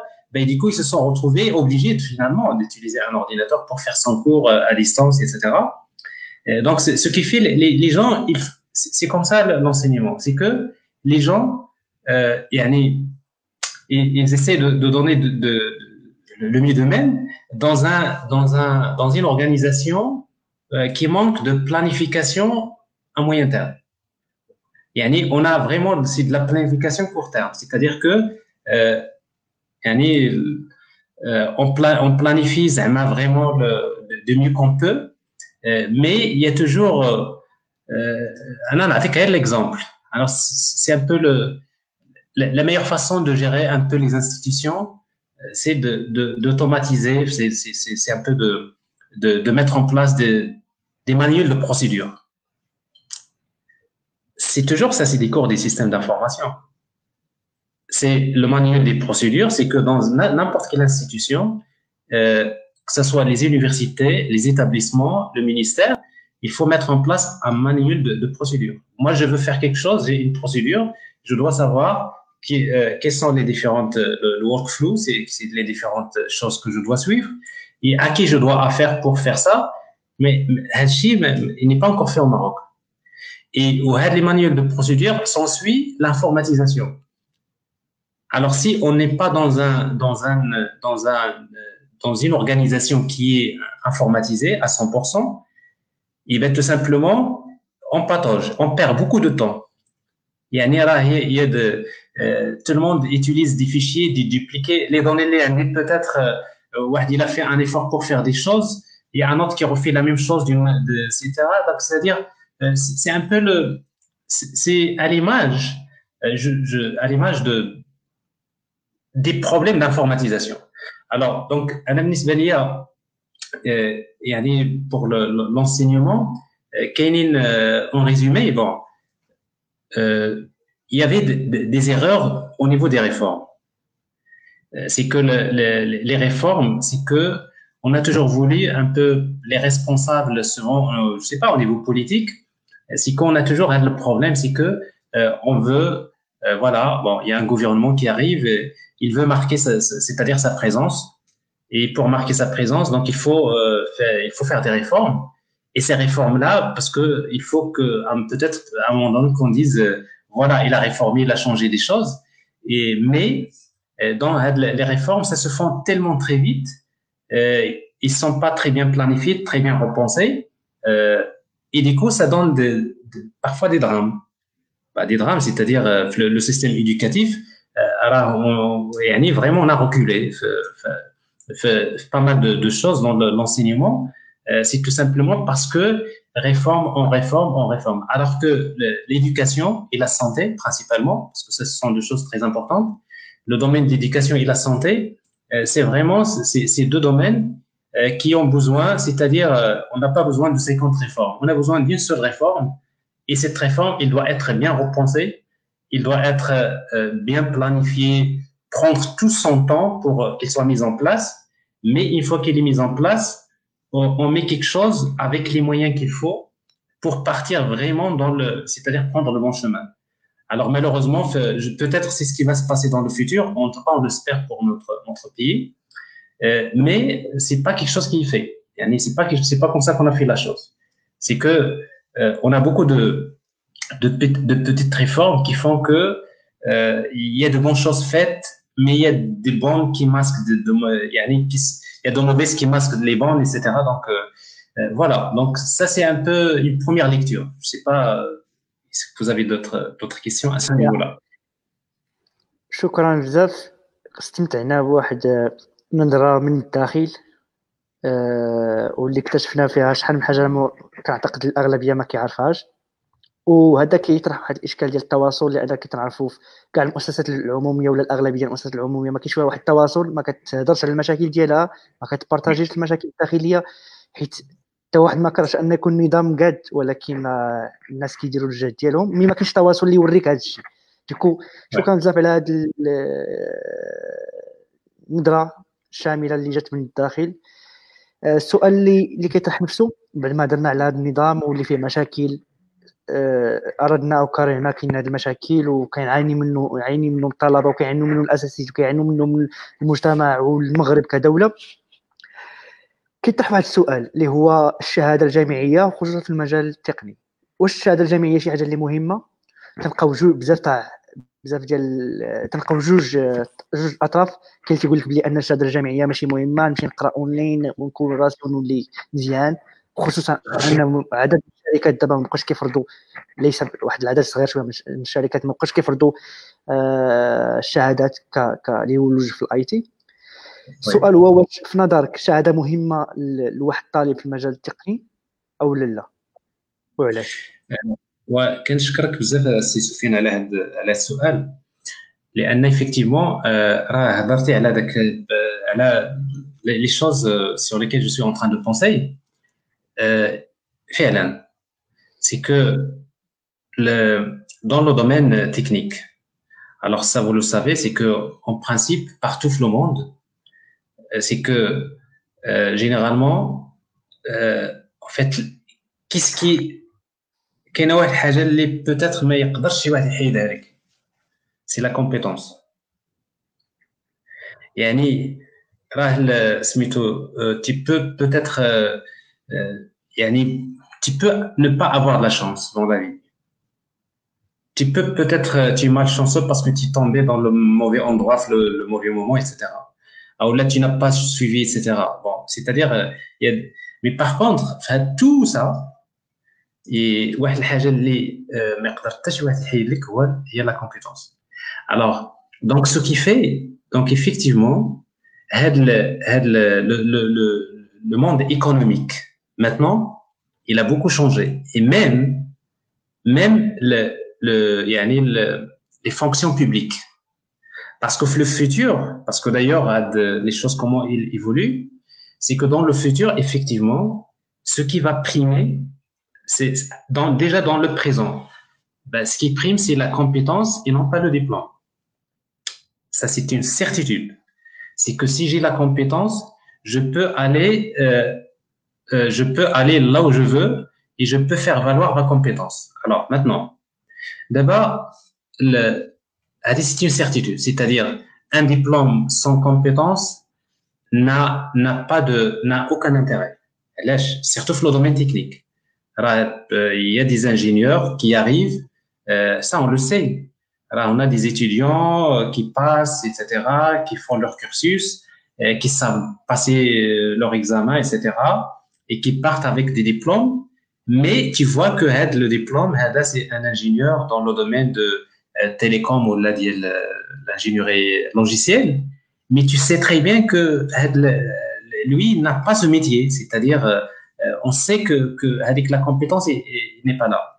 Ou malheureusement, ce qui arrive, c'est-à-dire euh, les ingénieurs, c'est-à-dire ce qui arrive, c'est-à-dire aux gens qui, qui ont un diplôme, mais qui n'ont pas la maîtrise du métier, c'est que ça la, la, la contradiction. Je suis fier d'être, d'avoir الشهاده كما قلت لي ولكن في نفس الوقت يعني يعني diplôme il peut me permettre d'accéder à une fonction parce que parfois il suffit de faire un bon entretien euh, dans une entreprise euh, avec ton diplôme tu accèdes tu travailles mais le problème, il n'est pas là. C'est que, euh, quand tu passes ton poste une année, ou la six mois, ou la quatre mois, six mois, sept ans, etc., euh, ben, qu'est-ce que tu deviens?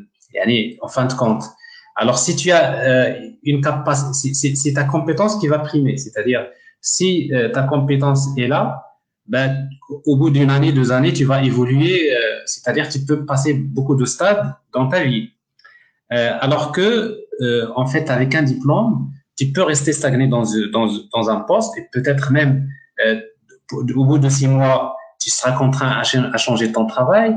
Euh, après, dans une autre entreprise, tu passes une année, tu changes d'entreprise. C'est-à-dire à chaque fois qu'on veut passer aux, aux choses sérieuses, parce que j'en connais beaucoup de, euh, c'est-à-dire, je connais quand même des cas comme ça. C'est-à-dire, à chaque fois dans le euh, dans son métier, euh, qu'on qu arrive aux, aux, choses sérieuses, et, et on découvre que finalement, on est mal armé. Euh, je suis dans ce domaine, mais je suis pas bien armé pour affronter ça.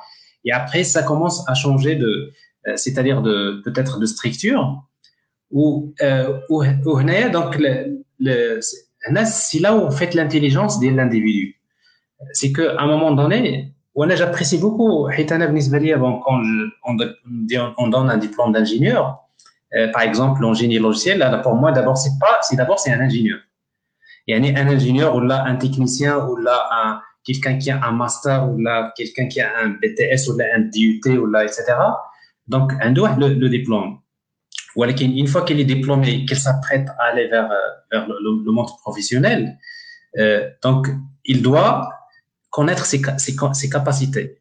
C'est-à-dire, à un moment donné, il va se dire, moi, en fait, maintenant, je, je connais mes capacités. Ça, c'est pas mon truc. Je veux pas m'investir euh, dans le domaine. Mais par contre, je sens que la chose à je vais m'investir. Euh, je vais donner plus de temps et je vais donner plus d'investissement et je vais m'orienter dans ce, ce domaine-là. Et généralement, quand vous, vous, vous, êtes vraiment fixé, euh, croyez-moi que souvent, euh, il y en a ceux qui arrivent à s'en sortir très bien, même si peut-être ils ont dû rater leur, euh, leur, leur, leur, le, leur cursus de formation de base. Yani parfois, quand on a le diplôme sprint, le, le métier que tu que tu exerces ta compétence, tu l'as retrouvé dans dans dans d'autres dans d'autres peut-être euh, créneaux. Et ce qui pousse parfois les gens qui sont en entreprise à, refaire. Bon, et ça, ça, je, yani on, c'est quelque chose d'important que maintenant, euh, j'ai le, nous avons des formations continues qu'on fait, des diplômes de, de formation continue, c'est des, des, formations diplômantes, mais croyez-moi, euh, c'est que le, dans les, les, diplômes de formation continue, euh, des masters par exemple, qu'on fait, euh, c'est qu'il y a beaucoup de, il y a beaucoup de, de, gens qui sont déjà dans le domaine professionnel et qui sont, c'est-à-dire qui viennent finalement, c'est pour être formés. Ce n'est pas pour avoir le diplôme. C'est-à-dire dans le sens, euh, finalement, c'est là on, on, on, sent vraiment que les choses sont, c'est que les gens qui viennent du domaine professionnel, ils viennent pour être formés parce qu'ils ils savent vraiment ce, qu'ils cherchent. Et, et, bien sûr, le diplôme, c'est c'est quelque chose de, euh, c'est-à-dire de symbolique qui permet de juste de certifier comme quoi vous, vous avez fait telle, telle, telle formation.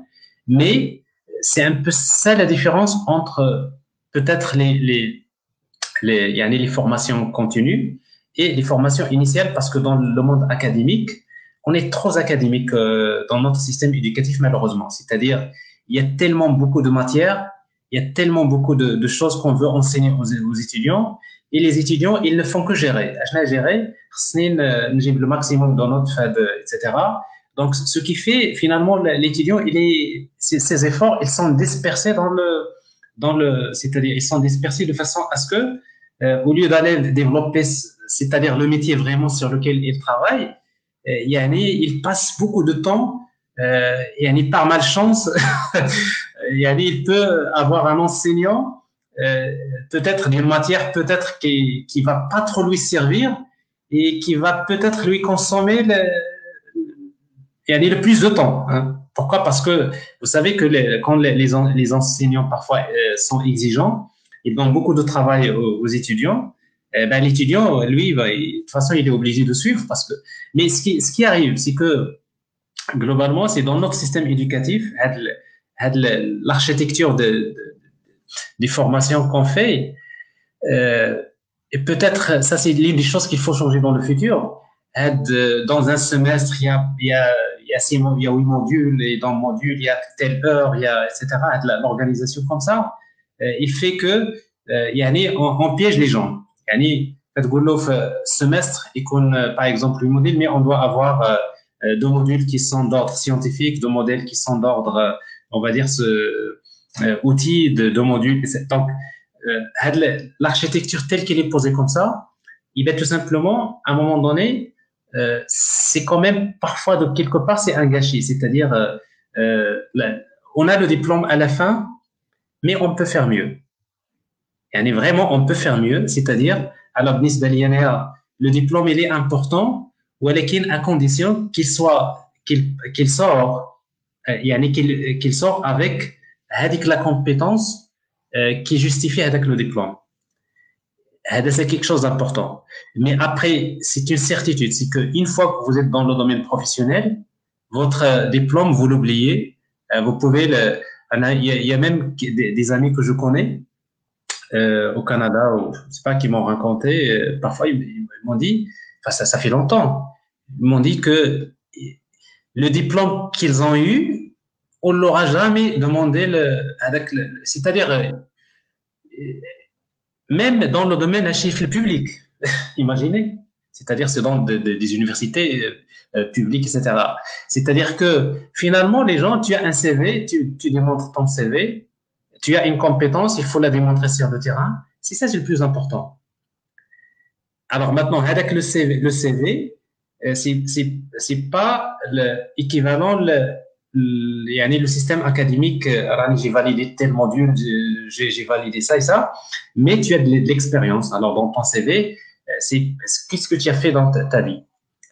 Alors, qu'est-ce que tu as fait dans, ta vie professionnelle? Il y a le, domaine académique mais il y a, des choses, il y a des réalisations. Je parle pas uniquement de, dans ton métier, mais euh, le fait de, travailler dans des associations, le fait de, faire un boulot de, je sais pas, etc. Euh, c'est ça le, le CV d'un étudiant. Est-ce que, euh, est-ce que tu as une pratique dans le domaine de la culture? Est-ce que tu as une pratique? Il faut vraiment travailler sa personnalité il ne faut pas tomber dans le piège. Nos étudiants, nos ingénieurs ou là, nos futurs euh, techniciens, ils doivent pas tomber dans le piège d'elle avec, euh, avec le cursus. Oui, je sais que j'ai 4 ans, la 3 années ou la 5 années d'études.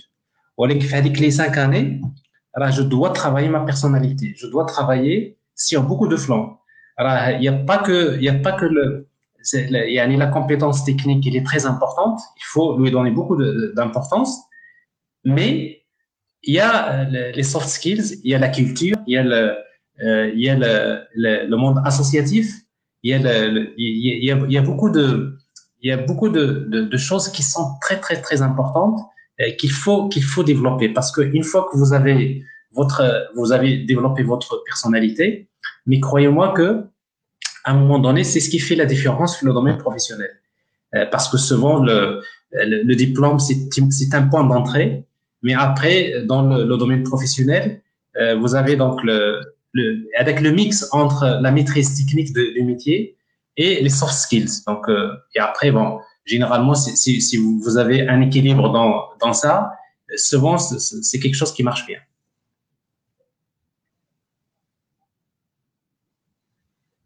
شكرا بزاف. كي قلتي الشهاده وكومبيتونس أحسن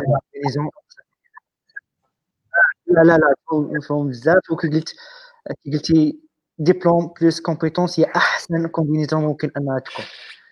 إي أنا غنقول الراي الشخصي في هذه القضية. قرينت كي قلتي قرينا بزاف تاع الحوايج. أنا كنت درت سلك مهندسين حتى أنايا ولكن عموما ماستر ولا سلك مهندسين بحال بحال.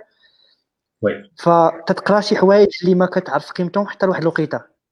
كتسمع في واحد لو دومين اللي انت قريتي عليه ان موديول كتسمع شي حاجة في واحد الكونتكست وكتولي عندك ميم كينفعك في شي حاجة اللي مهمة في شي في شي ان بروجي ولا في شي ديسكسيون ولا في اون ريونيون تكون شي حاجة مهمة بزاف. وي. وي. آه كما قال كيلونسيك مي لو ريست خصك ديرو لا كومبيتونس تبنيها بيديك. ديكو القراية ولا اللي تعطيك واحد العدد ديال واحد الباكاج مي انت اللي خصك دير الفينيسيون ديال داكشي اللي قريتيه باش تولي عندك واحد الكومبيتونس اللي تأهلك باش انك تكون في المارشي. اي دابا وصلنا لواحد غندوز عند يوسف اللي غادي يكمل باقي الحلقة باقي واحد دو كيسيون اي أسئلة ديال الناس اللي معنا. من جهتي كنشكرك سي سي محمد اليوسفي على الحضور ديالنا ديالك في البرنامج ديالنا. ندوز الكلمة ليوسف. اوكي يوسف سفيان دونك انا كنشكرك بزاف وسما سما امبرسيوني الصراحه زعما دونك دونك الطريقه باش كت يعني باش كتطرح الاسئله و et bah, ça prouve ça Lanta ou Youssef ou les autres d'ailleurs c'est l'occasion de de féliciter le, le groupe d'FC ou ouais, l'émission d'Elcom Zama c'est c'est quelque chose je vous encourage sincèrement euh, yani pour moi ça c'est le c'est l'intelligence humaine. C'est-à-dire, euh, c'est un peu, euh, vous êtes encore jeune, euh, et vous avez la dynamique, l'énergie des jeunes, nous croyons, c'est incroyable. C'est que quand, à un moment donné, c'est vrai que quand on, grandit dans l'âge, c'est qu'on commence à avoir un peu plus de recul, ça c'est l'avantage. Voilà, avec l'énergie. Donc, vous voyez donc un peu pourquoi on a besoin en fait de la jeunesse de l'explosivité de la jeunesse parce que c'est un peu. Mais on a besoin en fait de, des gens, a des managers qui ont un peu plus de recul, euh, qui ont un peu une, vision un peu plus euh, stratégique. Donc bon, ça c'est naturel. En tout cas, Hani Andlek, donc euh, لا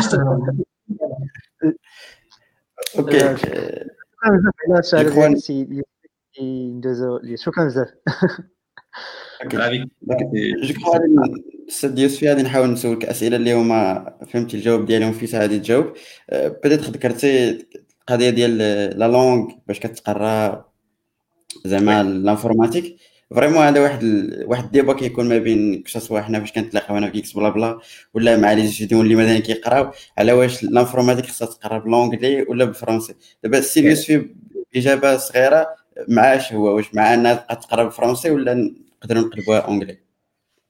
Anna, personnellement, je suis pour enseigner le, le, en anglais, d'accord euh, غير pour vous dire باش نقول لكم واحد الحاجة دونك أنا بالنسبة لي غير حنا لا جينيراسيون ديالنا باسكو فيت لا جينيراسيون ديالنا بون شنو شنو وقع؟ أنا بيرسونيلمون أنا هضر على على يعني حاله c'est un peu très difficile à comprendre. Quand tu mot, on a le, on a yani dans, dans mon village, yani là où je, je vivais en tant que gamin, yani من l'âge ديال واحد tel 7 ans, ياك tel 7 ans, tel l'âge de 7 ans, كنت كنهضر غير شلحه عرفتي لو لونغاج ماشين يعني ما كاينش pour vous dire Et Annie, vraiment, tu t'exprimes, Et Annie, si tu veux t'exprimer, bon, ton langage machine, il est comme ça. Yani, dans le... Ou bien, l'arabia, l'arabia, déjà, bon, parce qu'en fait, le Maroc, c'est comme ça. Parce qu'il y a beaucoup, quand même, euh, il y a beaucoup de. Euh, euh les cultures, euh, Rif, euh, l'Amazir, Zama, il y a une richesse incroyable. Donc, tel l'âge de 7 ans, c'était ça.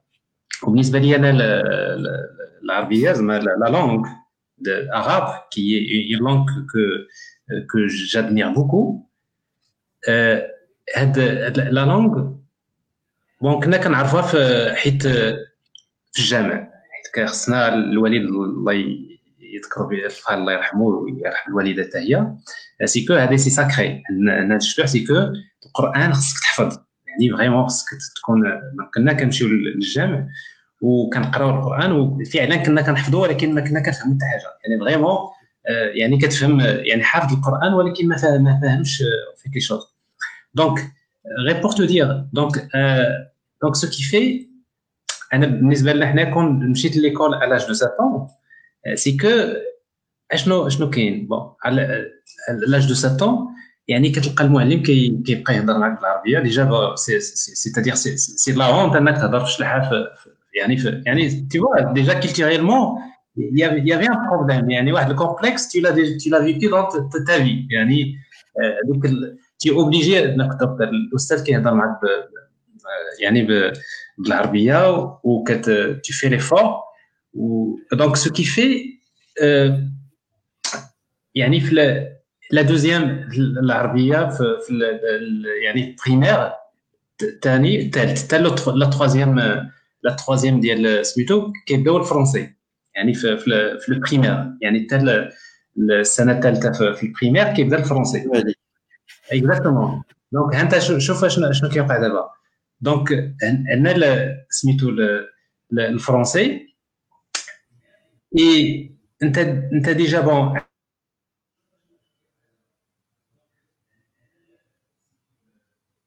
عندك ديجا dans ta culture كيخصك العربيه Il y a une coupure assez Youssef, c'est bon, vous, vous me recevez Oui, oui. كان واحد الكوبير صغير ولكن راك جاتي J'ai un téléphone qui, qui dérange.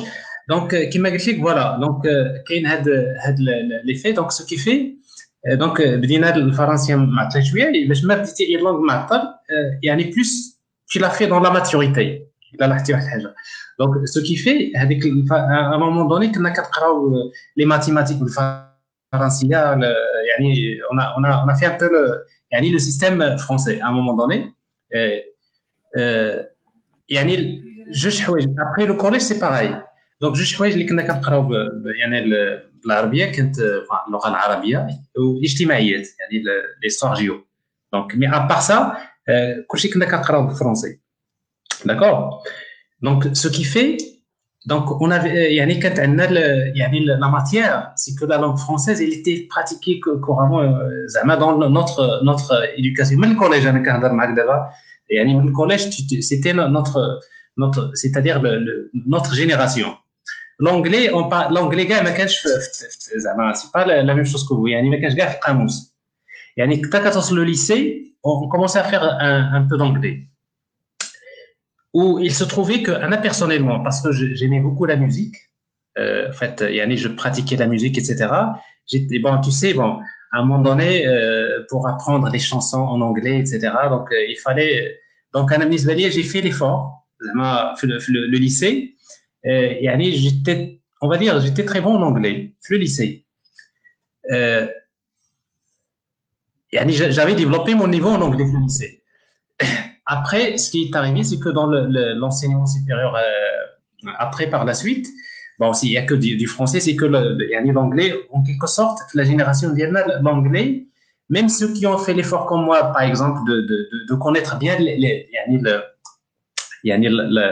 l'anglais, de connaître, de maîtriser bien la, la, la langue, euh, dans ses bases euh, de la grammaire, mais qu'on n'a pas beaucoup pratiqué oralement, euh, c'est que euh, donc on a perdu, on a perdu donc euh, la pratique de la, la langue anglaise, l'enseignement le, supérieur.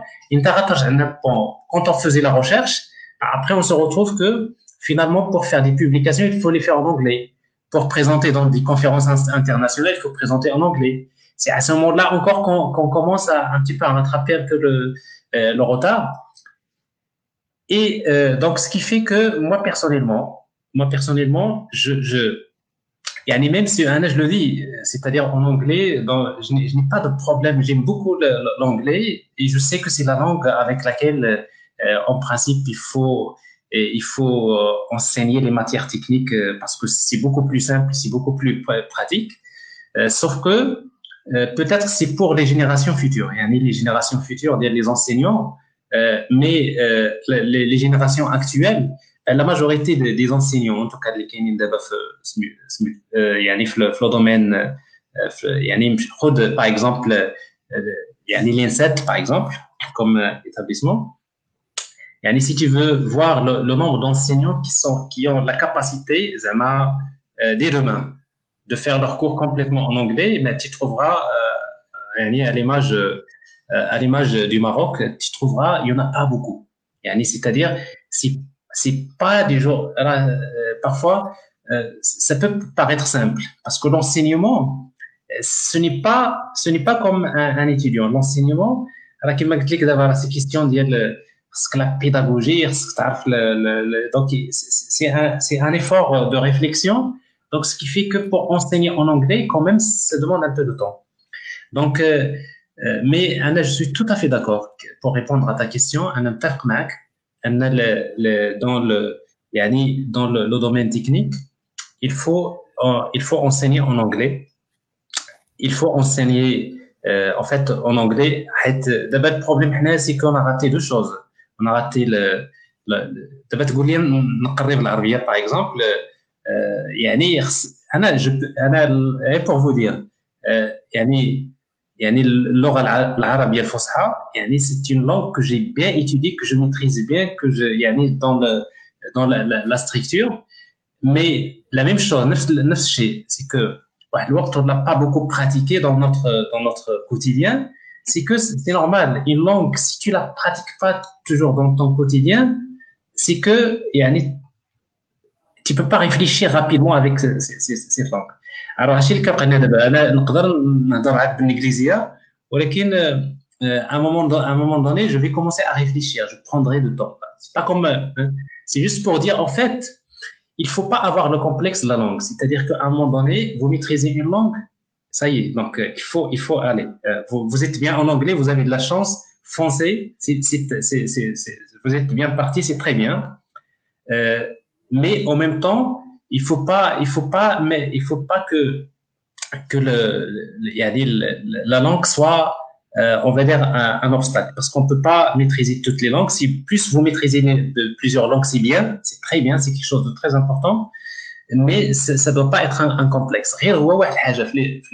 Notre domaine, l'université, il y, a, il y a quand même quelque chose de, de on va dire dramatique, c'est que il y a, de, beaucoup d'étudiants de la génération d'Eldava, c'est que le français, c'est pas qu'ils n'aiment pas le français, c'est qu'ils ont, dans leur système éducatif, ils ont raté le français. C'est-à-dire, c'est pas leur faute, c'est pas la faute des, étudiants.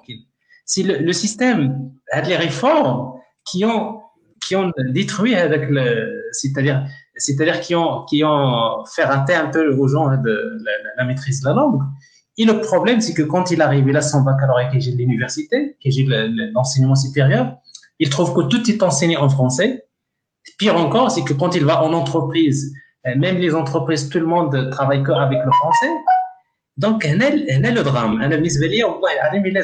Ça me fait mal au cœur. De la compétence, c'est pas question de compétence. Ah ouais, la compétence, il y a tout ce qu'il faut. Ou d'abord, il va passer des situations des situations اللي هو on va dire يعني inutile يعني الانسان il, il devrait s'exploser etc mais moi هذه c'est un peu le, la situation et il faut le dire également c'est que quand on enseigne احنا on l'oublie parfois كنقولها للاساتذه كنقول لهم faites attention باسكو بالنسبه لنا حنايا اون اسي دينوفي في لا بيداغوجي كتقول أنا صافي راه الكور ديالي باغ اكزومبل راني صاوبتو مزيان. راه فريمون صافي راك توب يعني صاوبتي واحد الكور أنت راك بالنسبة لك أنت توب ولكن كتجي كتلقيه للطلبه فاش كتلقيه للطلبه وكتهضر مزيان بالفرونسي ايتترا وبالنسبه لك أنت راه صايي دونك راه خص كلشي يفهم. ولكن واحد واحد الطالب هو راه عنده مشكل ديجا غير ديك لا لونغ اللي انت كتهضر بها باغ اكزومبل سميتو يا دي شوز كي كومبرون با يعني مرة مرة دي مو سي ميم با سكو سي دونك فينالمون راك انت عندك ان برودوي افيك اون بون بيداغوجي ولكن كتلقي هذاك بهذيك سميتها ولكن الطالب حتى هو عنده ان كومبلكس باغ اكزومبل مع لا لونغ الوغ بوتيتر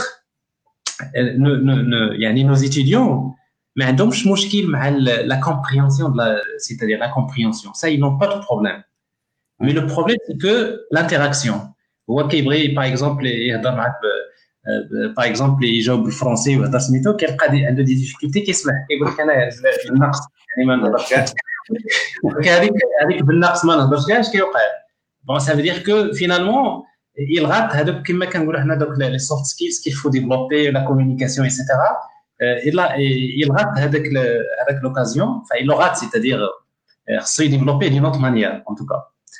ولكن انا quelque chose qui me fait plaisir الصراحه c'est que il a que نحن la génération ديالنا عندنا un complexe en quelque sorte on va dire انا je parle pas de moi-même personnellement c'est que عندنا واحد مع l'anglais d'abord parce qu'on sait que l'anglais c'est important tous les enseignants font beaucoup d'efforts pour apprendre l'anglais pour euh, améliorer, euh, s'améliorer en anglais, etc.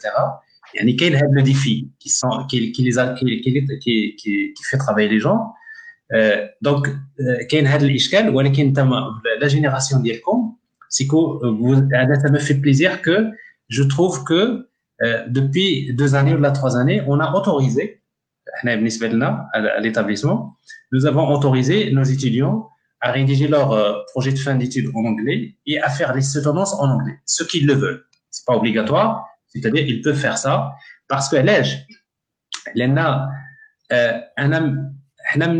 par exemple des, des, étudiants qui sont brillants. Et quand ils, ils viennent exposer en français, vraiment, ils te donnent, le problème, ils te donnent l'impression que, ouais, ils maîtrisent même pas l'âge C'est le, le support avec l'outil de, de, de, de communication, des, des, des choses. ولكن à un moment donné il a dit bah écoute ça y est tu te présentes en anglais كيبان لك une autre personne يعني tu vois que vraiment راه يعني هاد هاد la chose انا ce que je souhaite sincèrement c'est que d'abord يعني il faut le dire au Maroc enseigner en anglais c'est pas pour demain يعني mais par contre faire ce qu'on appelle les les l'hybride c'est-à-dire dans un module de formation par exemple un module fait 60 heures il faut encourager les enseignants par exemple il 20 heures ou 10 heures on dira en anglais. Ou 20 heures je la fais par exemple en français. Ou là le semestre on va choisir quelques modules qui peuvent être en français plutôt en anglais mais je dire vraiment tu remplaces le français par l'anglais bon déjà politiquement parlant, ça, ça, ça passera, c'est pas pour demain. Et euh, techniquement parlant, c'est pas également pour demain. Donc c'est un peu le. ولكن bon la réalité هذا هنا هنا c'est un peu un complexe. ولكن في نفس الوقت راه اللغه العربيه سي سي سي langue qu'il faut qu'il faut qu'il faut يعني خص qu'il faut garder parce que نشلها العربيه c'est notre culture. Sincèrement. وحنايا زعما سميتو أنا دابا كون كون جو روغارد هاد هاد ليريتاج هاد هاد هاد لي شوز هادو مالوغوزمون حنا في يعني في كل ما هنا زعما لا جينيراسيون ديالنا بوتيت ديالكم هنا ولا كي دي كومبلكس راه قلت لك أنا زعما غير واحد واحد الوقت. أنا بور فو دير أنا جو كاش جو كاش با زعما لا رياليتي. سيك واحد الوقت حنا في الشلحة باش تمشي تهضر مع شي واحد بالعربية كتبغي تبغي ما هضرش تبقى تفكر. واش أنت كتسمع كتقول جو با لي دوموندي علاش.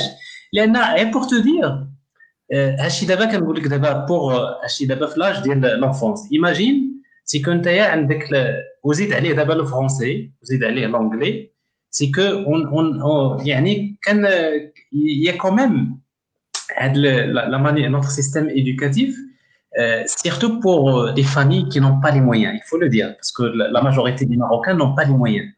Euh, c'est qu'on on, on, on a grandi avec de, des, petits, des, des, petits moyens. Donc, ce qui fait, اجنا هالشيء كيأثر على ايش؟ كيأثر على لا بيرسوناليتي ouais, moi, je suis, je convaincu que j'ai mes compétences. Je, il y a, y un deal, ce que je peux dire, il y a un deal, la compétence. Ou je bloque la, la, la langue, je ne peux pas m'exprimer comme, comme je veux. Euh, donc, je me taille.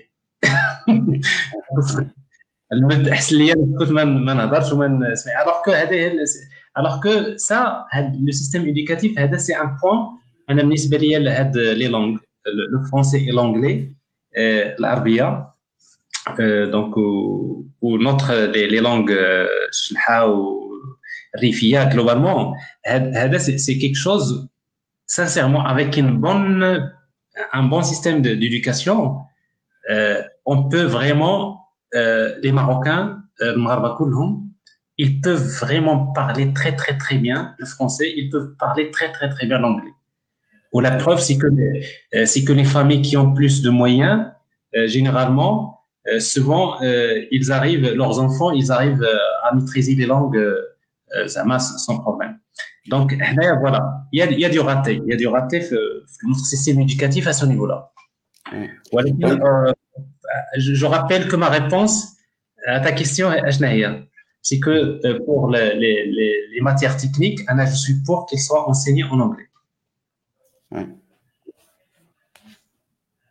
Ça marche. Donc, باش نلخص كما قلتي أنت ان فافور أن أن اللي بيتيتر في لي ماتيير تكنيك أنه يكونوا لونجلي ولكن باش تقلب كل شيء يعني من هنا لغدا اتس كومبليكيتد يعني سي كومبليكي كما كنقول سيتياسيون صعبة. أوكي دونك كاين واحد واحد الإشكال اللي بيتيتر من خلال زعما ليكسبيريونس ديالي مع لي ستوديون فاش كنديرو دي زيفينمون اكسيتيرا كاين واحد كاين واحد لارغيومون بحال كيعطيوه بيتيتر منهجي هو تيقول لك مثلا غالبية لي بروف اللي كاينين دابا كيقريو كيكونوا دي بروف دو ريشيرش يعني ديكتورون اكسيتيرا ولكن لو بروبليم هو أنه مثلا واش كتخرج انت شي واحد انجينيور ولا ماستر كتخرجو خصو يكون بيرمون تكنيك غالبا كتلقى هاد لي بروف دو ريشيرش دازوش في دي في دي بواط اكسيتيرا فاش كتشوف بحال كتكون واحد البارادوكس أن واحد ديجا ما داش في واحد لونفيرومون كيقريك عليها.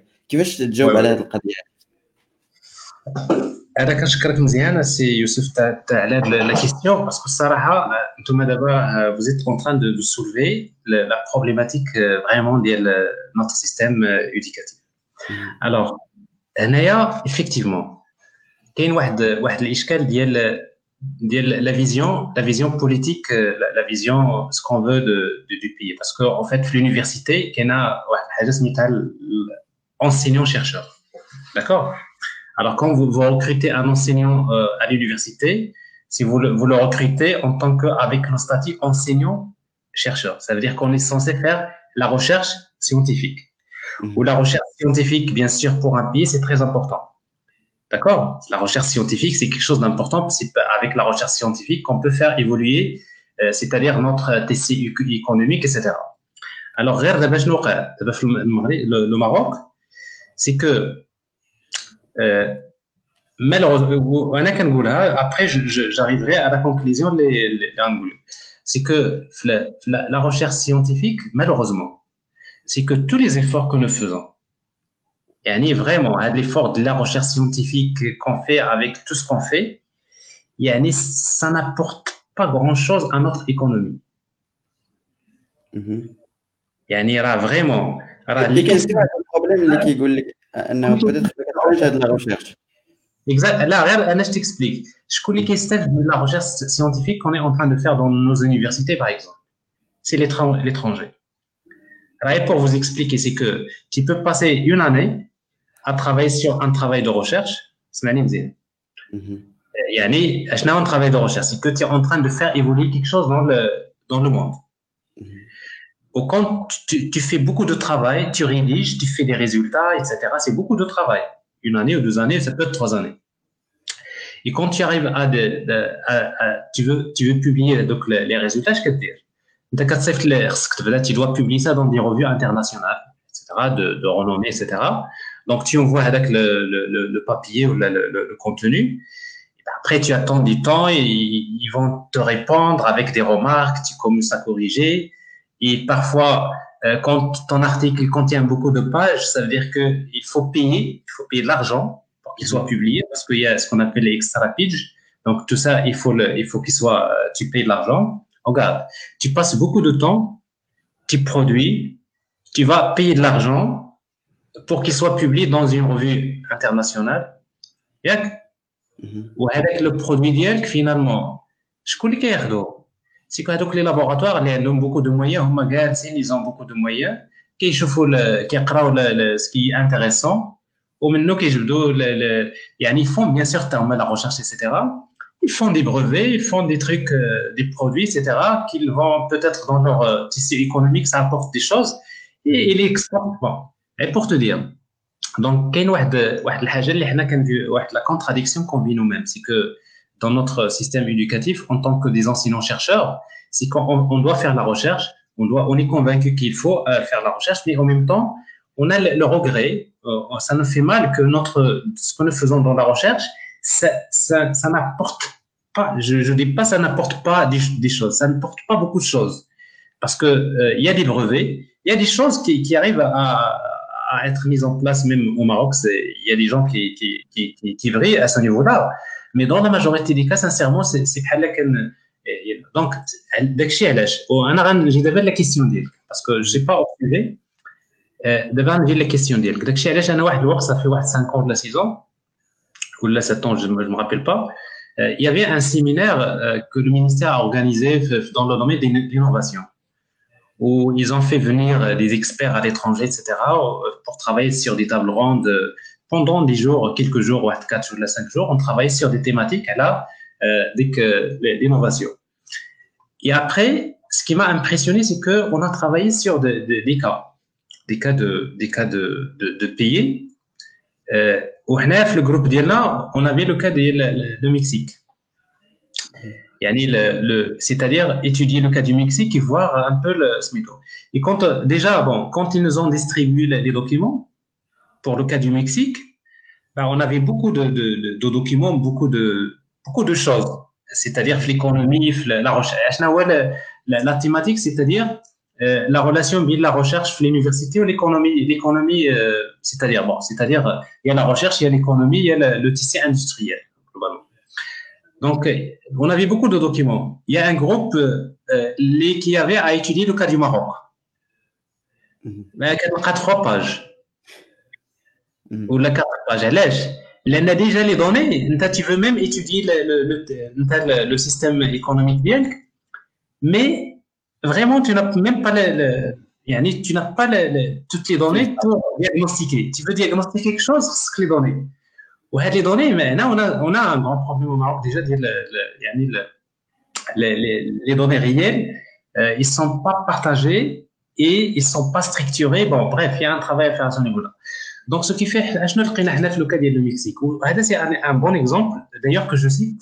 Euh, en 2012, euh, par exemple, au Mexique, ben, ils, étaient dans la même situation que nous. Ben, qu'est-ce qu'ils se sont dit? Ils se sont dit, il, y a, un président qui a, euh, dit, de toute façon, à l'état actuel, ils n'ont pas besoin de faire la recherche. Ils ont besoin de former des ingénieurs. Parce que la réalité du Maroc, c'est ça. Nous avons besoin de former des ingénieurs.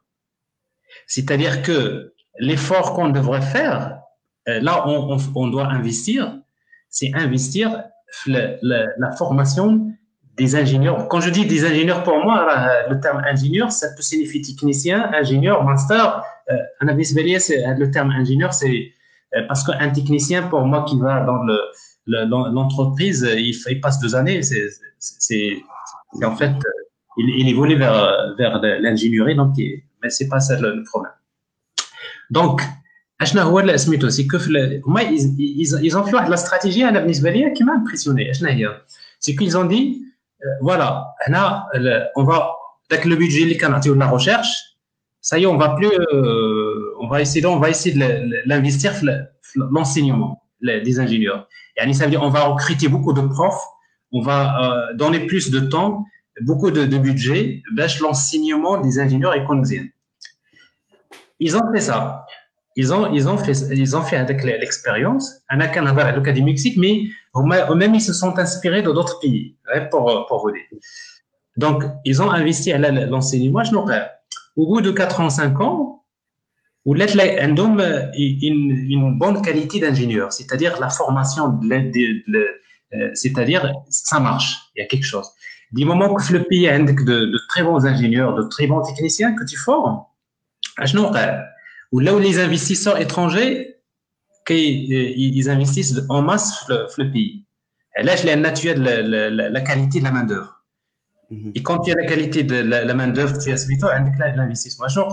Et quand l'investissement étranger, l'économie qui est dynamique.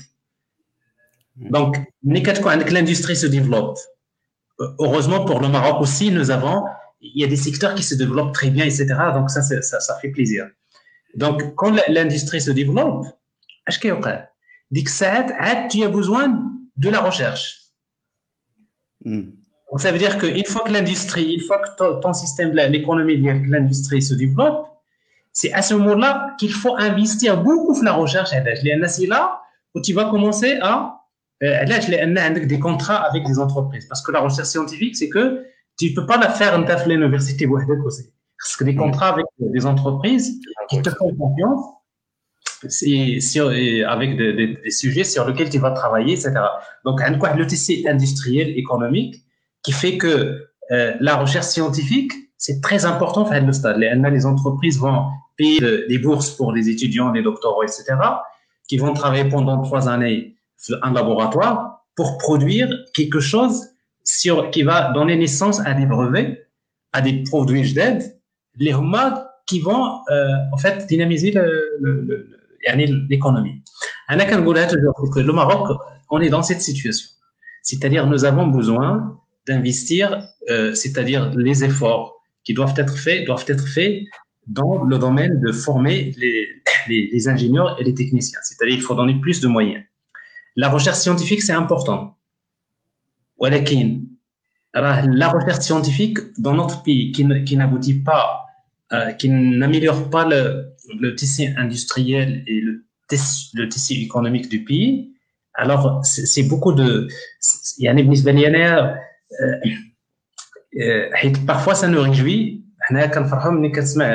Le, Maroc est classé, d'abord, le classement qui est fait par les étrangers. Tu es classé combien? le rang, etc.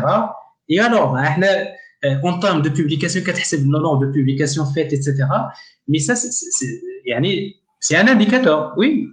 Voilà quel est le problème. Quand tu regardes ton économie, il y a combien de contrats, y a nos laboratoires de recherche, il y a les projets de contrats avec les entreprises, etc. Il y a la coupure,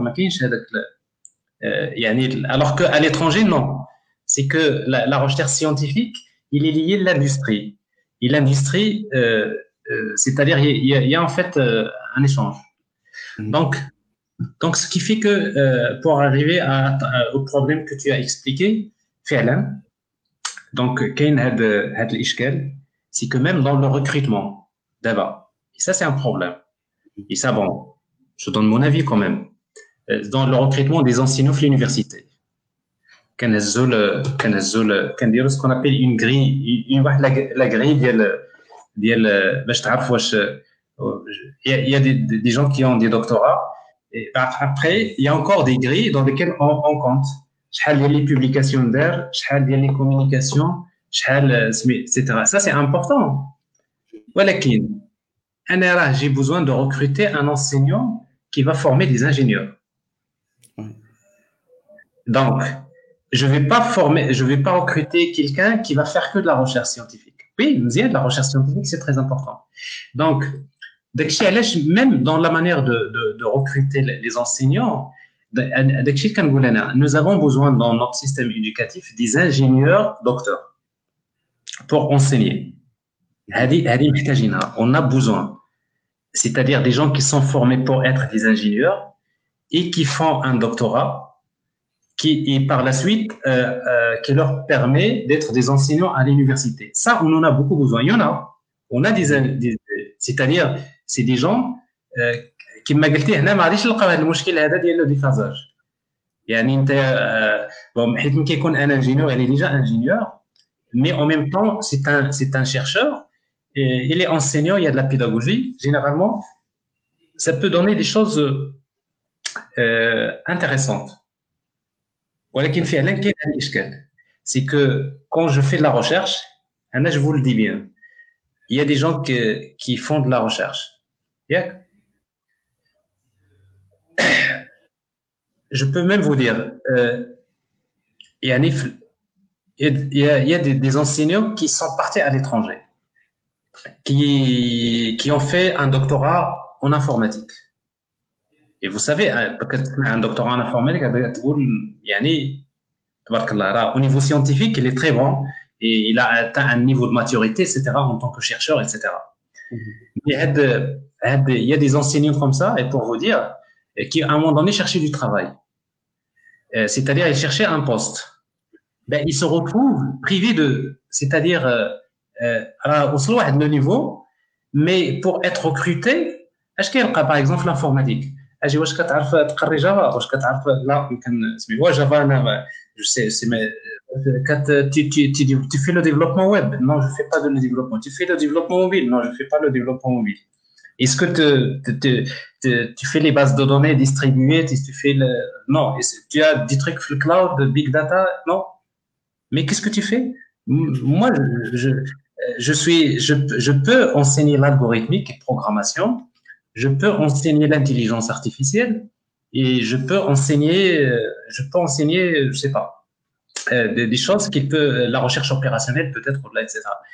Donc, euh, quand ils ont, ils ont des problèmes, même à l'étranger, c'est la même chose. D'abord, les docteurs qui ont des masters en formation continue. Donc, imagine, le master, ça fait longtemps. Il a fait le, doctorat euh, en 5 ans, ou 4 ans, et après, à un moment donné, pour devenir un enseignant, il va encore s'inscrire dans un master mais cette fois-ci, les endo qui on va dire le métier de l'ingénieur, en quelque sorte. Hmm. Et là, ça, on le sait, c'est qu'aujourd'hui, donc, les universités, nous avons besoin effectivement des enseignants euh, qui ont la maîtrise des métiers de l'ingénieur.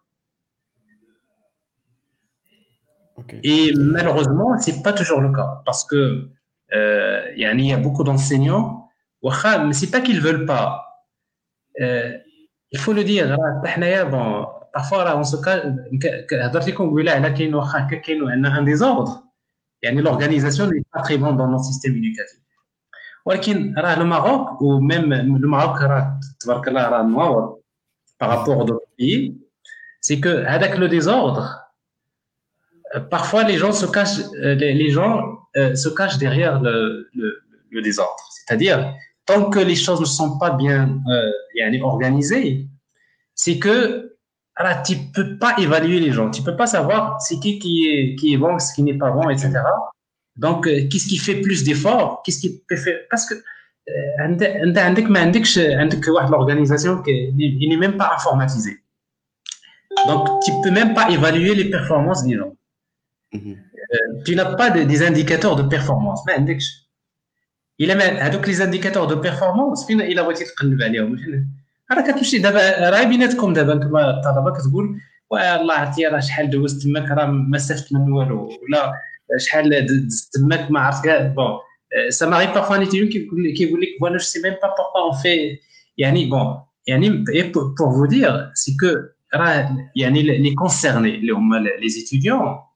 هما عارفين ليتا دو لا شوز يعني مي او ميم طون هذوك يعني هذاك سي دي شونس كي ريست شي لي étudiants وحنا اون طون كو باغ اكزومبل وحتى حنا لي زونسينيون حنا عندنا لا ليكتور كل واحد دي دي دي دي دي يعني دي يعني دي عندنا اون ليكتور ولكن هادشي كامل فين واش واش كتمشي au niveau de l'université ou là, chez le ministère, on va tenir les indicateurs de performance, donc si tu n'as pas ça, tu ne peux pas faire le diagnostic. Et si tu ne fais, si fais pas le, diagnostic, le bon diagnostic, euh, donc, tu vas rater quelque chose. Donc, euh, le, le, le en fait, tout ça, c'est dans l'organisation de, notre système. L'organisation, c'est qu'il faut, il faut les manuels des procédures, il faut automatiser les trucs des systèmes d'information. Il faut, euh, il y a des efforts qui se font au niveau de, de, de, de des universités principalement. Euh, c'est qu'on veut euh, faire ça, mais il faut le dire. Donc c'est toujours parfois on ne sait pas comment le faire. يعني on fait l'effort, voilà. اوكي صراحه اناليز زوينه بزاف انطلاقا من التجربه عاودتي لنا بزاف ديال ديال الحوايج وفريمون هذه القضيه اللي قلتي مهمة بزاف يعني قدرت بيتيتر تطبق ولا شي حاجة يعني شي حاجة اللي مزيانة بزاف. آه، أوكي دونك بور لو مومون صراحة راه تعطلنا عليك أستاذ. دونك غادي ندوز لواحد لابارتي اللي هي آه، الناس اللي بيتيتر متبعين ليكس بلا بلا نقدر نعاود لكم شنو شنو درنا ديرنييرمون درنا واحد السيرفي سولنا بزاف ديال لي ديفلوبور لي ستوديون على دي تروك اللي كنشوفوهم حنا هنا لقينا بان بيتيتر ما كاين حتى شي سيرفي اللي تخلينا نجمعو كما قال سيليوسي ما عندكش دي دي داتا باش تاناليزي اش واقع دونك حنا حاولنا اننا نديرو هاد السيرفي هادي وسولنا بزاف ديال الاسئله الاسئله مازال ما لحقناش كاع لي ريزولطا دونك غادي يكونوا السيمانه الجايه اي جيس دونك تبقى الحلقة ديال السيمانه الجايه ولكن ارتئينا اننا مادام معنا الاستاذ يوسفي ناخذ الاسئله اللي كانوا متعلقين بتوسكي يونيفرسيتي اكسيتيرا والقرايه ونطرحوهم عليه ونشوفوا ونشوفوا واش واقع. دونك جو كخوا غادي نبدأ بالسؤال السؤال الأول. السؤال الأول. أوكي دونك تقريبا هذا السؤال اللي فريمون كان كان كان سؤال انتيليجون أنا نسولو.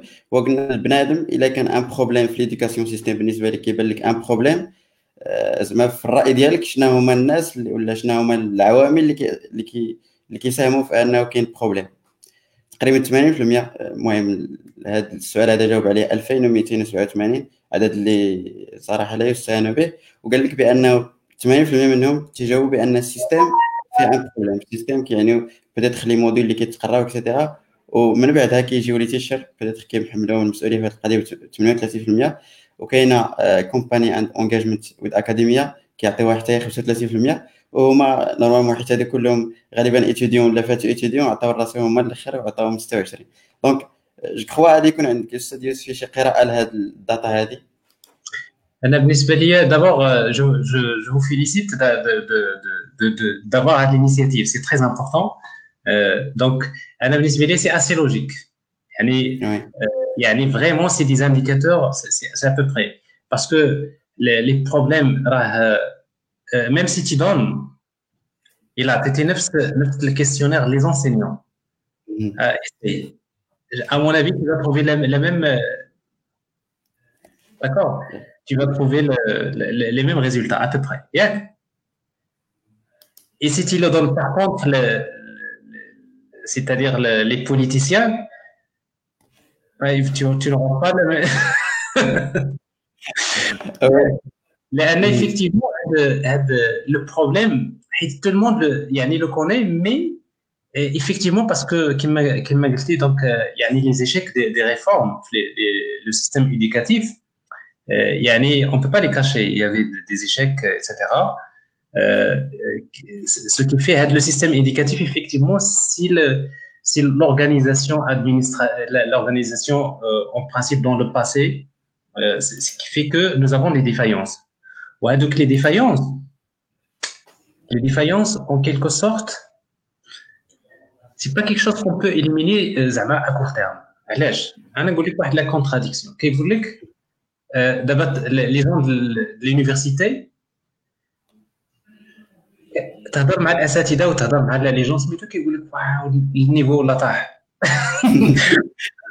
كيقول لك النيفو نزل بزاف فهمتي كيفاش الطلبه اللي كانوا تبارك الله راه هذاك هذاك دابا راه تو سا سي سي لا سكيزوفريني ولا سي با كومون جو في ابلي كاين فعلا كاين واحد المشكل ديال ديال المشكل ديال لي لونغ وديال يعني on peut pas avoir les mêmes étudiants dans toutes les générations voilà c'est impossible c'est que la, la génération ديال les étudiants ديال دابا c'est pas le, parce que غير حنا كيكون عندنا داك on va dire كتكون هذاك الحنين ديال لو باسي. آه ليبوك تبارك الله ميم دون تو لي دومين عاد تمشي عند لو دومين ديال الفوتبول يقول لك تبارك آه فين هي الكرة ليبوك ليبوك عرفتي الكرة عرفتي كانت على ليبوك سيتيرا واش من الكرة اللي كانت؟ كتمشي مزيان ولكن راه راه لو فوتبول لا ايفولوي سا لو سي le football ديال دابا سي با لو فوتبول ديال لو باسي ولكن هذاك هذاك لا نوستالجي le, le passé, qui fait dire toujours que le passé c'est mieux que le présent. Mm-hmm. Donc, il y a Donc, ce qui fait, les questionnaires, d'une manière générale, yani, vraiment, c'est un peu pour piquer, le, le pour avoir euh, un surveil qui, qui, qui te donne de, bons indicateurs. Euh, effectivement, il faut prendre aussi en considération cette la, nostalgie de l'homme passé. C'est-à-dire, on a toujours, on a toujours envie de dire que le passé, c'est mieux que le présent. Non, Là, les étudiants, euh, les étudiants d'IEL, euh, actuellement, ils ont des capacités, et, et, euh, comment dire, c'est vrai, que vous voulez فري كيقول لك واه كلشي مشغول بالفيسبوك كلشي مشغول بلي ريزو سوسيو ايتترا وي ولكن راه هادشي سي لا رياليتي il y a un aspect négatif euh, qui fait que les gens sont trop occupés par, euh, par d'autres choses. C'est-à-dire, à l'époque, c'est que, en fait, tu n'as que tes études dans lesquelles tu peux passer ton temps. Hein, donc, c'est pas la même chose.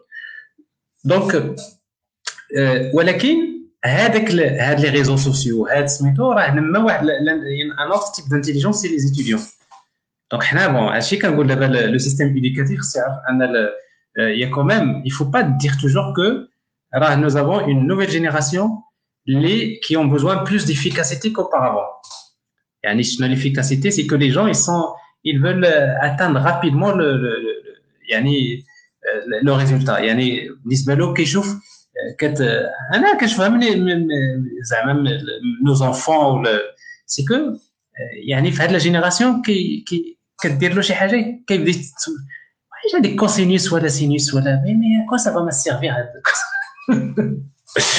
يعني سيتادير انا قلت لك زعما بون كوسينيوس سينيوس ولا تريغونوميتري ولا دي تروك كوم سا يعني هاد لا جينيراسيون il se pose هاد لي كيستيون واش سا سا va me servir ولا لا à l'époque non on se posait pas هاد لي كيستيون علاش بالنسبه لنا حنايا صافي راه داك الشيء داك الشيء دو فاسون راه توتي امبورطون دونك دونك علاش لا توتي تا امبورطون باسكو on n'avait pas les moyens que vous avez maintenant, de, les, les, les, réseaux sociaux et tout ça, donc vous êtes bien informés, etc. Euh, et en même temps, euh, donc, Ken, Ken, bon, pour commenter, pour ne pas trop prendre le temps, هو انا من هذا السيرفي ديالك il est il est très bien je pense que ça représente la réalité où effectivement la grande part de l'échec en quelque sorte c'est il y a personne qui va te dire non c'est que le, le système académique d'une manière générale et il a en fait vécu quelques échecs euh, qui fait que euh, maintenant on est en train de, de relever le, le défi euh, avec parfois d'une manière agile avec l'agilité et vous savez, l'agilité, s'il n'est pas bien organisé, ça devient à un moment donné, le, je sais pas. C'est-à-dire, on, réagit, on veut faire évoluer les choses, il y a des efforts euh, importants, ou avec la vision à, moyen terme.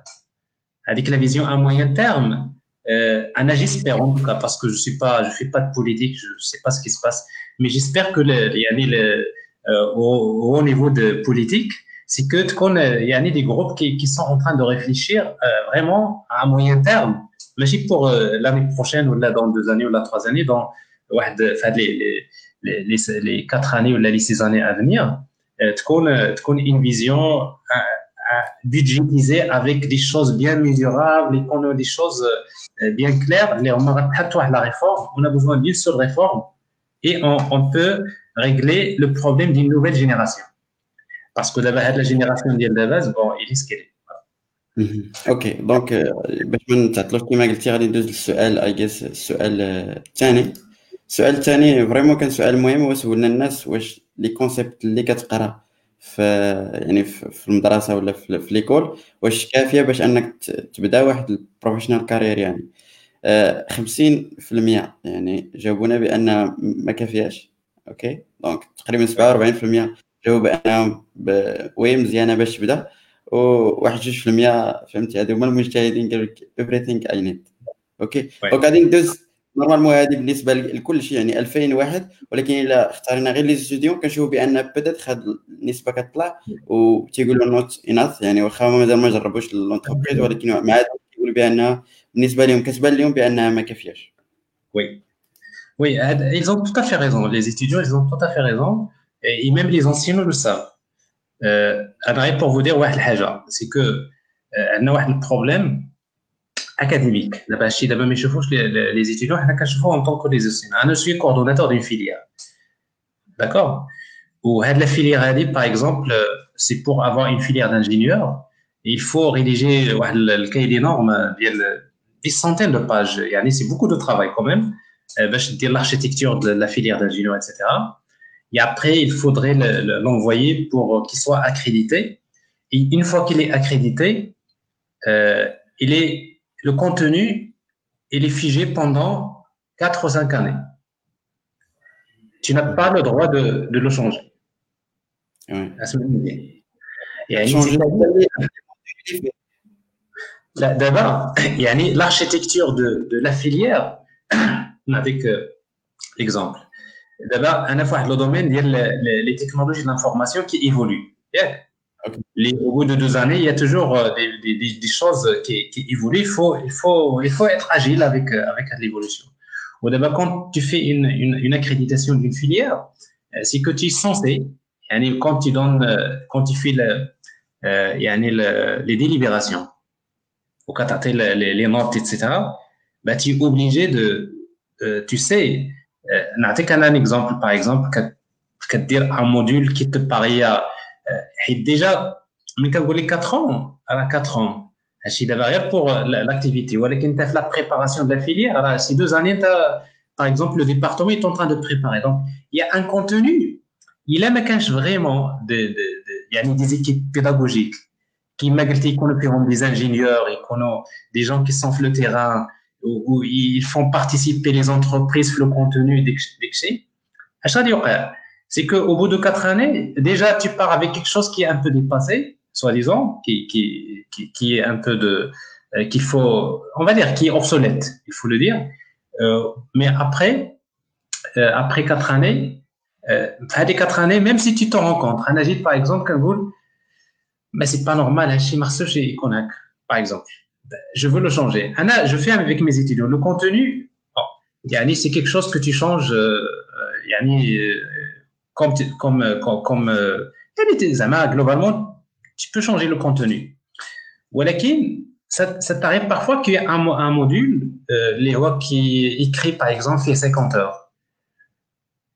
Ou ça a été fait comme ça, mais finalement, quand je fais le module, à ça, tel 10 heures c'est quelque chose que tu peux faire euh, rapidement deux donc ce qui ce qui fait كيكون هذاك هذا الاشكال ديال le contenu pédagogique effectivement avec 50% انا متفق معاهم 100% c'est que il y a toujours un instant donné كتلقى ديما واحد une bonne partie ديال le contenu c'est ah mais il faut il faut l'améliorer mais malheureusement au niveau système académique ما عندناش ماشي بحال le domaine de, de, du privé c'est que même si tu veux changer il faut, il faut, il faut pas tout, il a des restrictions. Académiquement, tu peux pas, même que je un module ou tu places un autre module, euh, les euh, académiquement parlant, euh, tu n'as pas le droit. Allez, le premier qui va contester, voilà l'étudiant.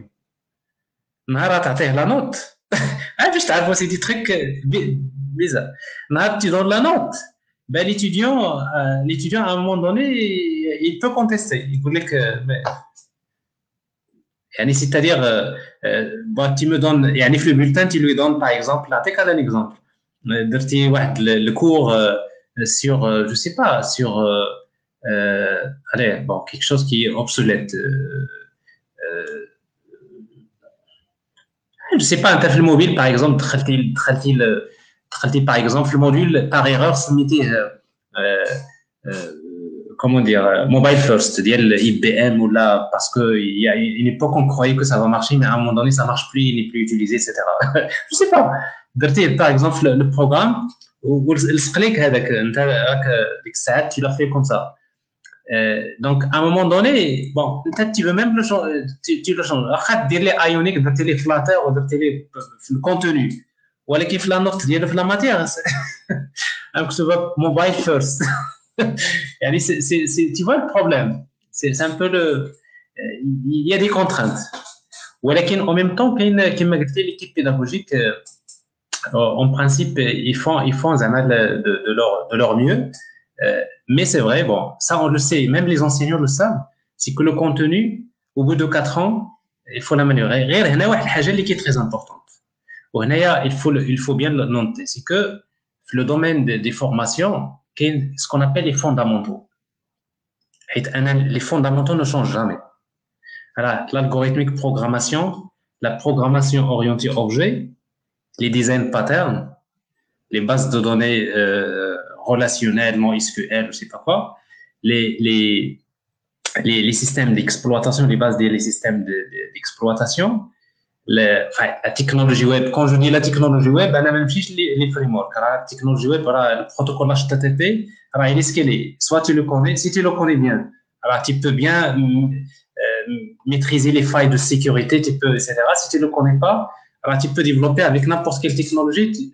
Donc, les fondamentaux, dans chaque, dans chaque, dans chaque partie, les fondamentaux, c'est, c'est le socle. Le socle, il doit être bien, bien, bien, bien, bien travaillé. Ou malheureusement, parfois, dans des formations, le socle qui est raté. Et quand il est raté, finalement, on compte sur les modules, on va dire, à forte valeur technologique. Les huma غادي يستعملوهم في l'entreprise. Et après, bon, on tombe dans le problème dont on avait parlé, c'est-à-dire, euh, je maîtrise, je sais développer des applications, je connais les frameworks, etc. Euh, mais je suis incapable de développer un nouveau framework, par exemple, ou là de produire une solution logicielle pour l'entreprise qui va lui permettre d'économiser beaucoup de, temps de, de, développement, etc. Ça, c'est un peu le, le problème. اوكي دونك شكرا استاذ يوسف يعني صراحه تعليق المهم قراءه زعما منطقيه جدا لهذاك الشيء اللي قلتي تقولوا مزيان عرفنا بزاف ديال الحوايج الخبايا كومون سا مارش هاد القضيه اللي قلتي صراحه اول مره كنسمع عنها بيتيتر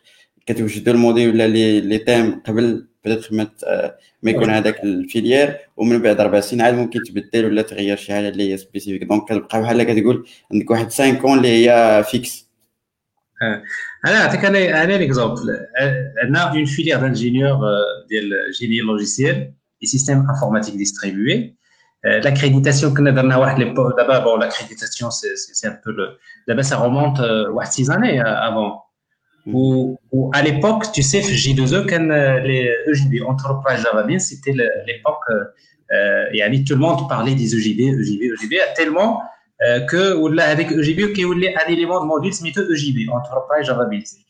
Mm -hmm. Mais il se trouvait que, fait le, les années quand même là, EJB, moi, il y a il y a personne. C'est à oublier. En quelque sorte, même en entreprise, et pourtant عندك واحد la matière سميتها EJB mais انا bon quand هذيك la matière EJB bon يعني le contenu راه ما غاديش هذاك EJB le contenu je fais autre chose c'est là parce qu'il y a Spring Cloud, il y a les, les microservices, tu ne vas pas trouver un, par exemple un élément de module architecture basé sur les microservices. Non.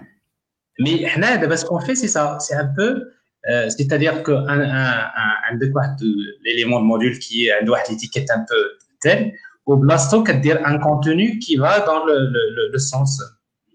Mm -hmm. Il faut le dire également, bon, ça, c'est des choses maintenant depuis que parfois euh, on évite maintenant que les, les accréditations, c'est-à-dire euh, avec le, le, terme technologique, je vais le titre.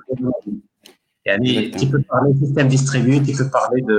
Euh, mais jamais بحال langage par exemple élément de module développement avec PHP ça c'est une erreur un code développement web vous savez parce que si c'est aujourd'hui PHP peut-être demain ça va être Node.js c'est un peu le académiquement il y a des erreurs comme ça qui font que parfois bon, ils n'ont pas le courage de يقول لك انا بون انا شي مكتوب او جي بي انا ندير او جي بي جو بو با فيغ حيت انا ما درتش هذاك الشيء l'étudiant à un moment donné يقول لك ما خدمتش كاع معايا tu m'as même pas fait. En fait tu vas bon etc وي وي وكما قلتي هذه القضية هذه بدات كتبان في الدومين تاعنا بزاف حيت يقدر لي دومين الاخرين ما. شي ما كيجريش بزاف ولكن الدومين تاعنا فريمون خصك تقريبا كل عام عامين خصك تريفريشي هذاك الشيء الا بغيتي تكون زعما اجور ديال بصح آه، أوكي دونك تقريبا باش ما نتعطلوش عليك أستاذ يوسفي صراحة راه طولنا حنا تفاهمنا على ساعه ونص دابا تقريبا راه غادي شي ثلاثة ديال السوايع.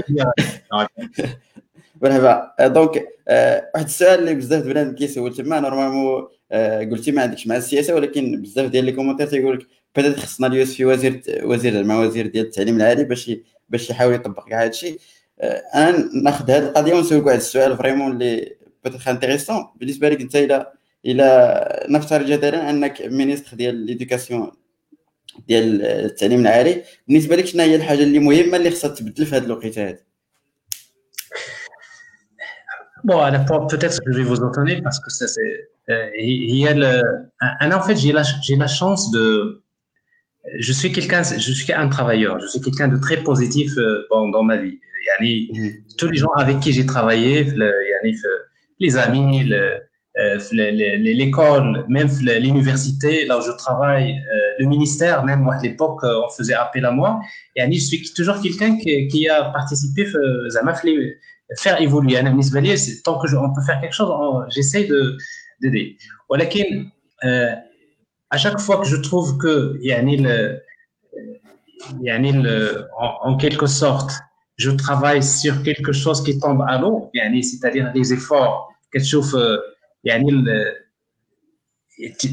tu يعني كتشوف tu, يعني داكشي اللي tu vois toi-même tu n'arrives tu, tu vois que c'est irréalisable لان علاش لان انا ce qui me un peu dérange زعما في le travail ديال les, les institutions d'une manière générale, c'est que les institutions, peut-être même les entreprises, c'est pareil.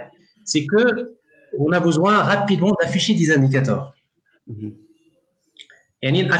C'est-à-dire il faut montrer que, que ça marche. tu vois? Oui. Mais, Alors que le système éducatif, non, c'est là où il ne faut pas. si ça marche, ce n'est pas parce que tu affiches des indicateurs, là on a fait, euh, maintenant voilà, on a informatisé, on a fait, on a fait. Voilà qui est bon. C'est un peu le, le, le, problème. Donc, ce qui fait, un dû travailler dans beaucoup de projets, euh, dans le cadre des institutions, euh, le ministère, etc. Et je trouve toujours que euh, le ministre, par exemple, le problème, je vais vous, vous étonner.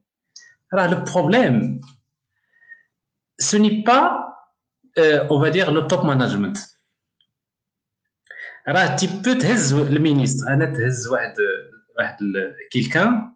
اللي هو ابستراكسيون البوليتيك غتهزو غيقول لك انايا راه فريمون راه سي سي سي ان بو لو سي كوم سا كو سي كوم سا كو جو فوا لي شوز كيلكان كي بيان بلاسي وعنده لا فولونتي وعندك عندك عندك نعطيك كاع بون Après, le problème, tu veux exécuter.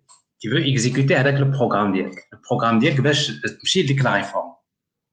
Alors, tu peux pas imaginer, c'est que pour exécuter, en tant que ministre, là, tu es le responsable 1. Alors, c'est pour exécuter tes réformes, tu fais ça. Alors, tu trouveras, il y a des obstacles que tu ne vas jamais comprendre.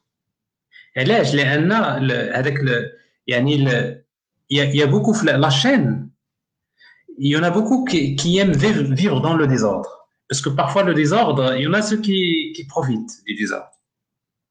Avec le, les choses ne sont pas claires. Donc, ce qui fait qu'il y a la résistance. Avec la résistance au changement, comme vous l'appelez, avec la résistance au changement. Alors, c'est pas quelque chose que tu peux voir avec les yeux. Donc, ce qui fait, euh, يعني كاين هذه نتفق معكم كاينه واحد لا فولونتي اللي خصها تكون au niveau politique اللي نقولوا ça c'est les choses les, choses qui doivent être faites parce que la la volonté politique il n'y a rien on dit la première la deuxième, c'est qu'il faut travailler, il faut travailler sur, le, sur l'organisation de, de, la chaîne. l'organisation de la chaîne. Car c'est un, un travail d'informatisation qui est énorme. Yani, tous les, les, les volets, les, les universités, les établissements, يعني في le ministère يعني خصني بدل كل شيء informatisé mais il y a aucune raison alors il y a beaucoup d'argent qui, qui, qui parfois il y a aucune raison pour ne pas automatiser faire informatiser tout le tout le avec des procès avec des manuels de procès اشير سير لان علاش لان الا ما دارش هادشي في tous les niveaux alors, tu ne peux pas avoir des indicateurs. Tu ne peux pas mesurer les performances. Tu ne peux pas savoir qui travaille, qui ne travaille pas, etc. etc. Donc, vraiment, c'est un volet. L'informatique, c'est là, il, va révolutionner un peu le. Donc, le système d'information qui est, euh, qui est, euh, qui est bien placé et qui, donc, à tous les niveaux, et que toutes les choses euh, aussi bien au niveau de, de, de l'éducation que de la santé, que de la justice, etc. Parce que parfois, il y a des interactions qui, qui rentrent dedans. Mais quand on a un système qui est ça, ça veut dire que tu peux commencer à parler de la transparence. C'est-à-dire, a, tu, tu peux rien cacher. si, tu, fais des choses, euh, on les voit. Si tu les fais pas, on les voit pas. D'accord? Donc, qu'on les choses bien organisées au niveau institutionnel et qu'on a un peu les choses bien posées, dès que avec la stratégie au niveau du top management, le, ministère, le ministre lui-même. Alors, si tu appliques la réforme, qu'on a l'air, au bout de quelques années, tu peux, tu peux appliquer le, les, les, les, réformes et ça peut, ça peut donner quelque chose d'intéressant. Un pour vous dire, parce que euh, un je connais de, parfois de, des responsables qui veulent faire, euh, changer, qui veulent, ils font beaucoup d'efforts pour, pour, euh, parce qu'ils savent, ils, ils, ils, peuvent faire des choses. Ouais. بس صراحه مفهوم مفهوم شنو قلتي زعما يعني نعطيكم واحد ليكزومبل نعطيكم ان بتي تروك واخا هذيك الشوز انا سميت تاغي صافي تري لونتون صافي تري لونتون كنمشي للمينيستير D'accord Comme le ministère, euh, enfin, je comme le ministère pour, euh, vous savez, bon, on a une fonction, yani, le statut euh, qui fait que tu peux évoluer le grade, le grade, etc. C'est un peu un truc bidon. Il y a, la formation, il y a la fonction publique. Ce qui fait qu'à un moment donné, quand avec le grade, dire que tu as le grade X, il y a quatre années, voilà, sur le Smithers, que tu, tu n'es pas payé encore ton salaire, euh, n'est pas, c'est-à-dire, euh, ça bloque au niveau ministère. Et avec l'âge qui voulait quoi, visa, mettre visa, etc. Visa, mais visa, donc chez gars, أنا ça me casse la tête. Mais moi, quand je كنفكر زعما سميتو لأن en fin en fin de compte, mais واحد الوقت j'étais obligé كنقول انا ما يمكنش quand même il faut il faut aller pour pour voir. Mais il se trouvait que واحد يعني واحد contrôleur financier le contrôleur financier جديد في في ذاك l'organisme فين كيفيزيو دوك لي دوسيي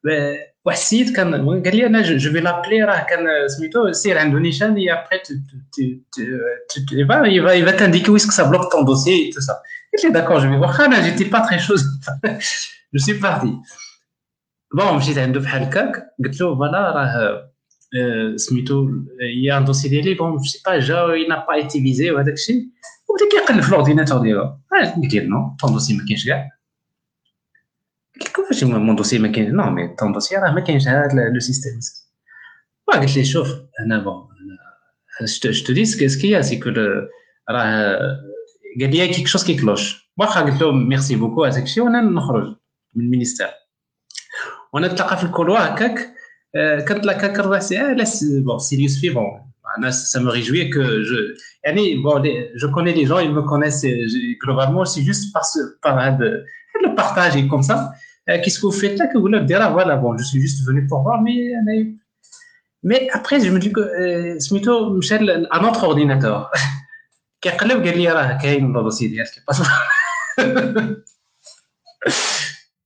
mais attends ça veut dire quoi euh, ça, ça, veut dire, ça veut dire, mais après, il m'a expliqué effectivement, c'est parce que quand il y a par exemple quelqu'un, euh, un, un, nouveau monsieur qui, euh, qui est nommé, d'accord, les KG qui veut appliquer une nouvelle organisation, etc.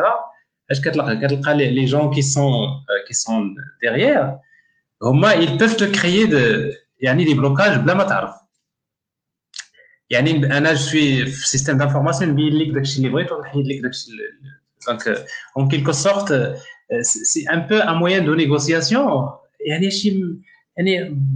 Bon, c'est juste pour te dire que la résistance au changement, pour les ministres, ce n'est pas, pas une méthodologie ou là. C'est sur le terrain, il faut informatiser, il faut informatiser, il faut connecter les systèmes d'information. Alors, si on ne connecte pas les systèmes d'information des différents ministères et des différents, si on n'arrive pas à faire ça, alors il y a la volonté, mais au lieu que avec la réforme se passe en deux années,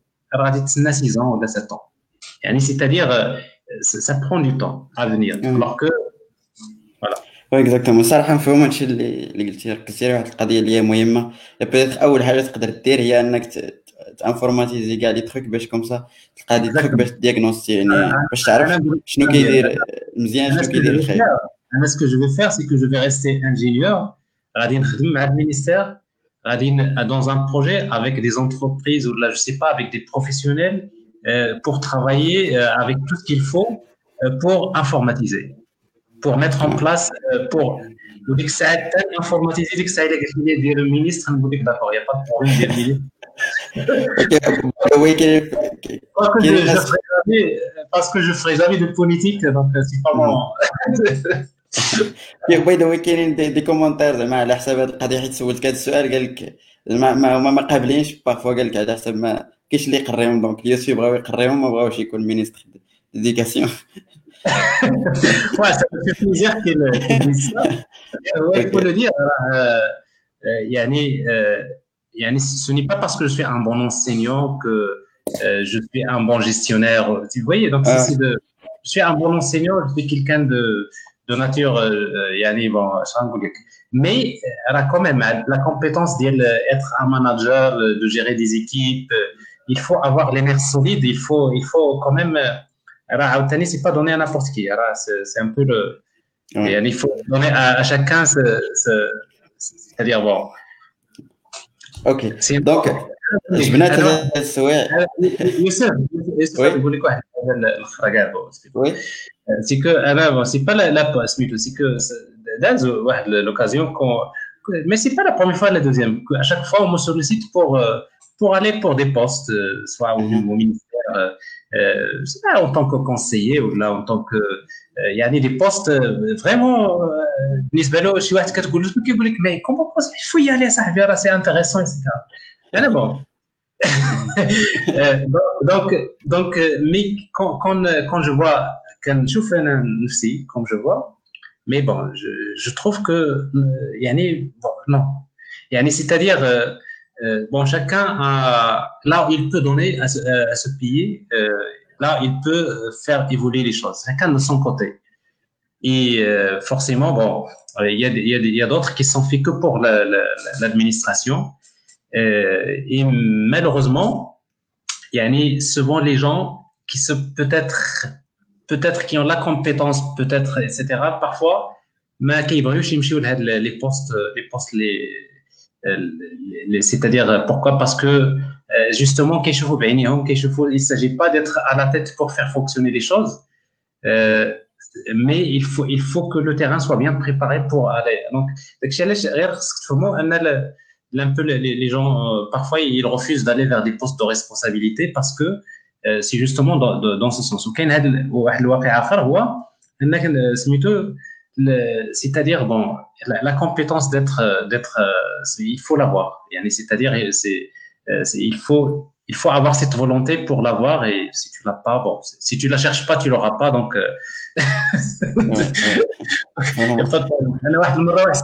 pour te, te terminer, je lui dis, bah écoute انا الا الا مشيت تخدم معاك اتونسيون قلت لي سميتو راه نقدر ندخل لك البيرو نسد عليا ونهز الاورديناتور نبقى نبروغرامي نصاوب دي يعني c'est-à-dire la, la seule chose, mais sincèrement, ce que je peux faire de bien maintenant, actuellement, ce que je peux faire de bien, d'abord, c'est que ce que mon métier, je le fais bien, je l'aime bien, l'enseignement et la recherche, ça c'est quelque chose que je fais bien, d'accord. Le deuxième, c'est que je peux euh, contribuer, je peux avoir une responsabilité dans laquelle qui aller vers, il faut, il faut euh, euh, structurer, il faut informatiser, il faut mettre en place des architectures, il faut connecter les systèmes d'information. Et allez, je peux contribuer pour préparer le terrain. Le terrain, l'autre responsable qui devrait mettre en place euh, en fait les, les c'est-à-dire il y a des gens qui sont bien placés, tu vois, le nombre de compétences des, des gestionnaires euh, qui peuvent faire euh, bien les choses. Euh, donc, chacun de son côté. Voilà. Oui, exactement.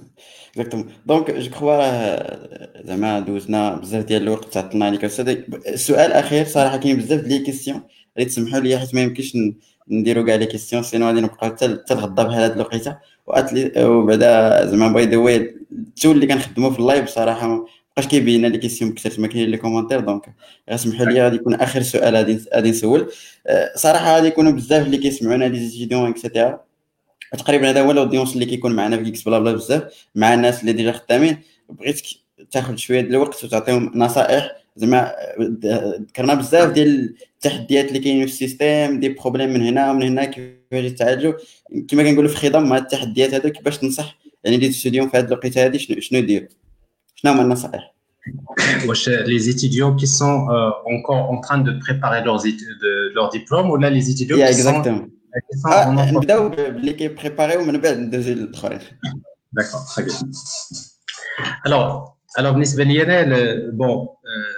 d'abord, alors, les, les, les, les étudiants, d'une manière générale, en a ce que je peux leur dire,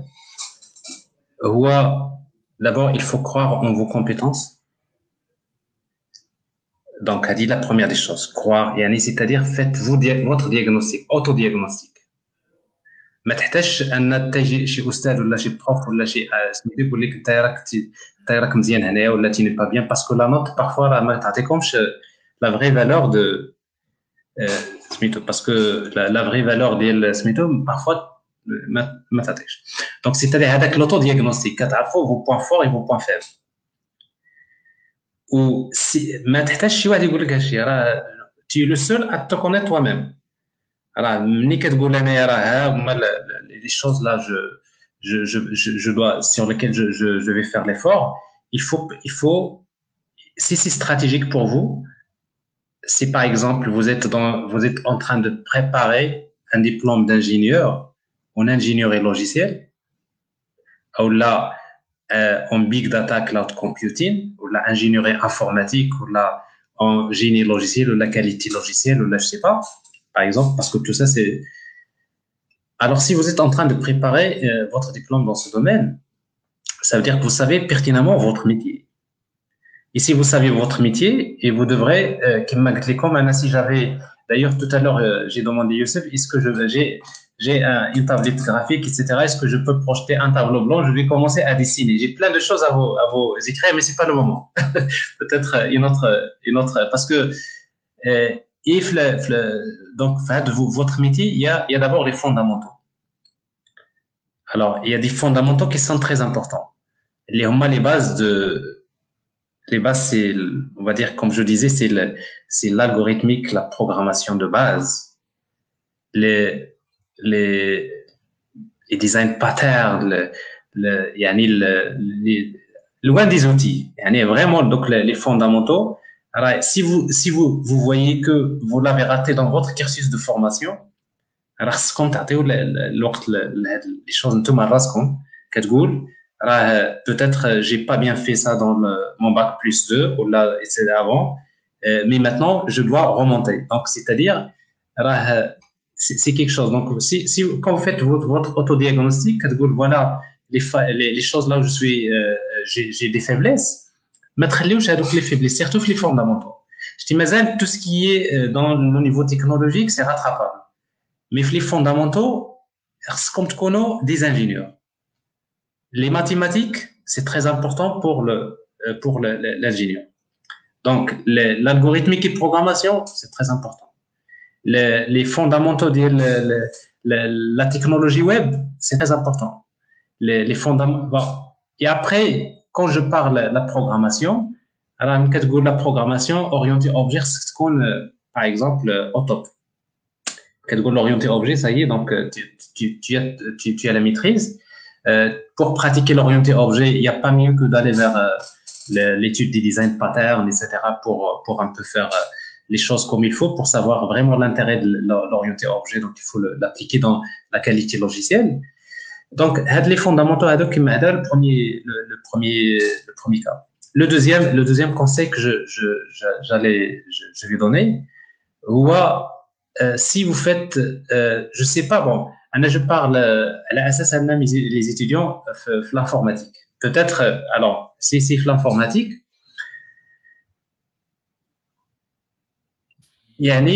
l'informatique, c'est, c'est-à-dire, c'est un domaine où il faut utiliser l'ordinateur beaucoup. C'est-à-dire, euh, si tu veux avoir vraiment un niveau de maîtrise, il faut donner beaucoup de temps à ton ordinateur. Et il faut passer beaucoup de temps avec ton ordinateur, c'est-à-dire à écrire, à, à, à, tester, à faire. Donc, si, euh, si à chaque fois vous ouvrez l'ordinateur, les, les réseaux sociaux ou la dire là tu vas jouer ou des, des choses comme ça c'est c'est à dire il y a un, il faut faire un effort oui tout ça c'est important vous allez vers les réseaux sociaux vous allez vers ça c'est inévitable avec votre téléphone c'est très important et c'est même très important parce que euh, si vous n'êtes pas là c'est que parfois vous serez en décalage ولكن c'est qu'on a une l'organisation انا كنمشي كنحل l'ordinateur dire c'est plutôt les choses que je dois travailler. Donc, il faut donner beaucoup de temps. Et quand vous donnez beaucoup de temps à votre ordinateur à programmer, à, développer, à, faire des choses, à des tests, c'est qu'à un moment donné, vous allez voir, euh, l'automatisme incroyable. Alors, je le dis toujours aux étudiants, l'ingénierie logicielle, tu peux résoudre un problème en 5 minutes, comme tu peux le résoudre en 50 jours. Alors, c'est un peu extrême, c'est-à-dire, je peux euh, tâtonner à faire, à résoudre un problème n'importe comment, ou parfois ça me prend des jours et des jours et des jours pour euh, arriver à un, résultat, mais avec un peu plus de recul, plus d'expérience, plus, plus, plus, plus de, de, de, des choses, parfois vous arriverez à produire quelque chose en, euh, alors si je dis cinq minutes, j'exagère, mais ça peut être dans un, dans un délai qui est très court. Donc, pour que tu, commences à devenir, on va dire, opérationnel et performant, euh, à produire rapidement euh, de, la bonne qualité, par exemple, euh, logicielle, ben, il, faudrait donner beaucoup de temps, comme je disais, à, votre ordinateur parce que il faut, avoir la, patience de passer beaucoup de temps avec votre ordinateur et de faire tout ce qu'il faut. Mais à un moment donné, vous allez voir, que le retour que j'ai euh, euh, avec le recul, euh, ça, vient, ça, vient tout seul. Mais si vous gérez votre formation, votre enseignement, rire, dès que qui mêle le baccalauréat, parce que vous savez que le baccalauréat, la majorité des, cas, c'est que ben, il faut, c'est une préparation. Il faut être intelligent de faire parce que ce qui vous intéresse finalement, c'est la note. Donc, vous travaillez, vous faites tout ça pour, la note. Donc, euh, euh, euh, vous avez une bonne note pour le baccalauréat, ça vous a permis, c'est bien. donc, un avenir quand vous êtes ingénieur, surtout les dernières années de, votre formation, soit technicien ou ingénieur ou la master, alors c'est votre métier qui est en jeu. C'est que il y a l'aspect académique, il y a les notes et tout ça. vous devrez être intelligent. Alhamdulillah, maintenant, il y a le, il y a des cours sur YouTube, il y a, des ressources, il y a tout ce qu'il faut. C'est que ma, ma baqash, ana avec le, je vois que bon, heureusement, qui m'a dit Youssef tout à l'heure, c'est que 50% ils disent c'est pas suffisant.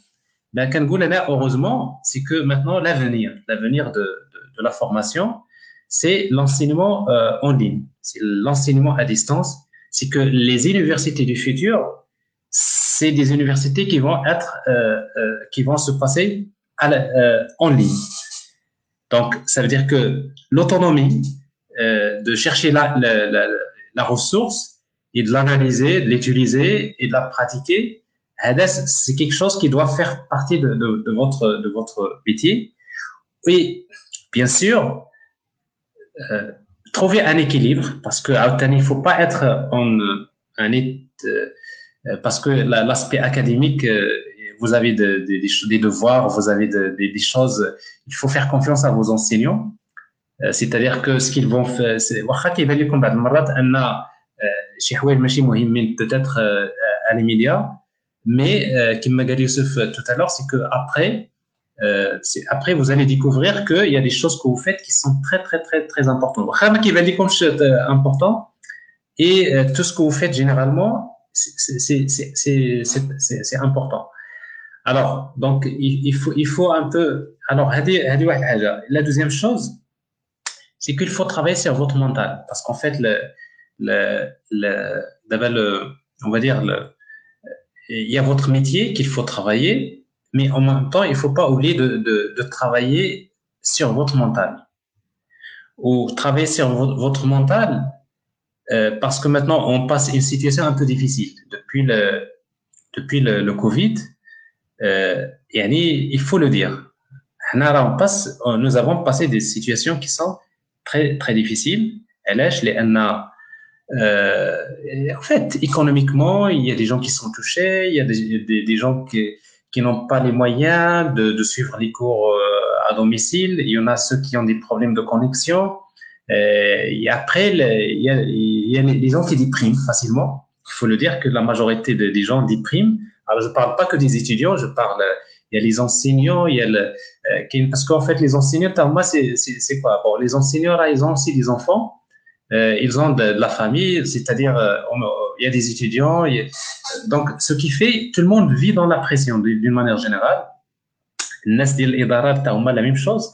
Donc, ce qui fait, euh, donc c'est pour cela que je vous dis bien, chacun de son côté, il doit travailler sur son mental. C'est que euh, même si vous passez peut-être des moments difficiles, euh, il faut, il faut, il faut travailler sur votre mental pour, pour, préserver vos capacités mentales, pour ne pas être affecté. Parce que une fois que, yani, yani, il faut rester positif. Comme tu es positif, tu crois toujours euh, que tu, tu arrives à ton temps, tu vas arriver. Mais si tu commences à avoir que le doute, à, toujours euh, être négatif et que, à chercher que les mauvaises choses, regardez que toujours, c'est, nous avons la chance d'être dans un pays comme le Maroc. On est dans la bonne voie au Maroc.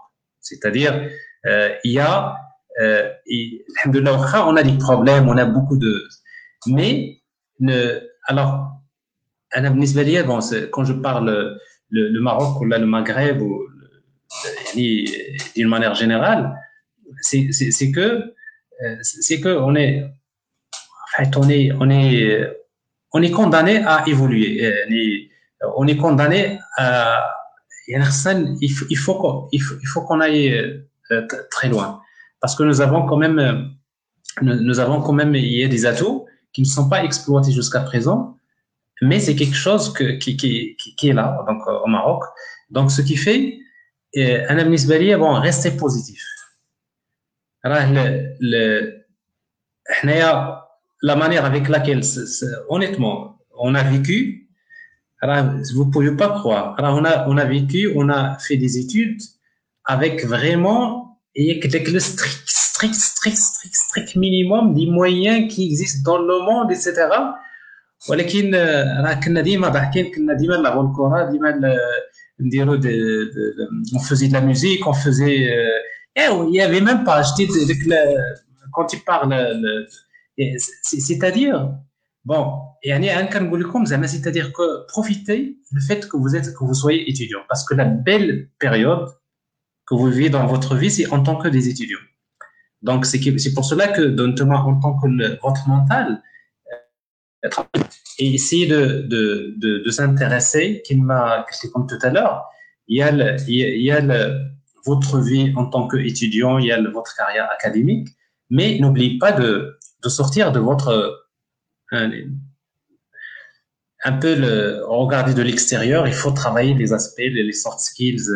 Il faut faire un peu de la, culture. Vous lisez, euh, vous faites des lectures, participez à des associations qui m'a euh, si Youssef euh, ou toute son équipe, etc.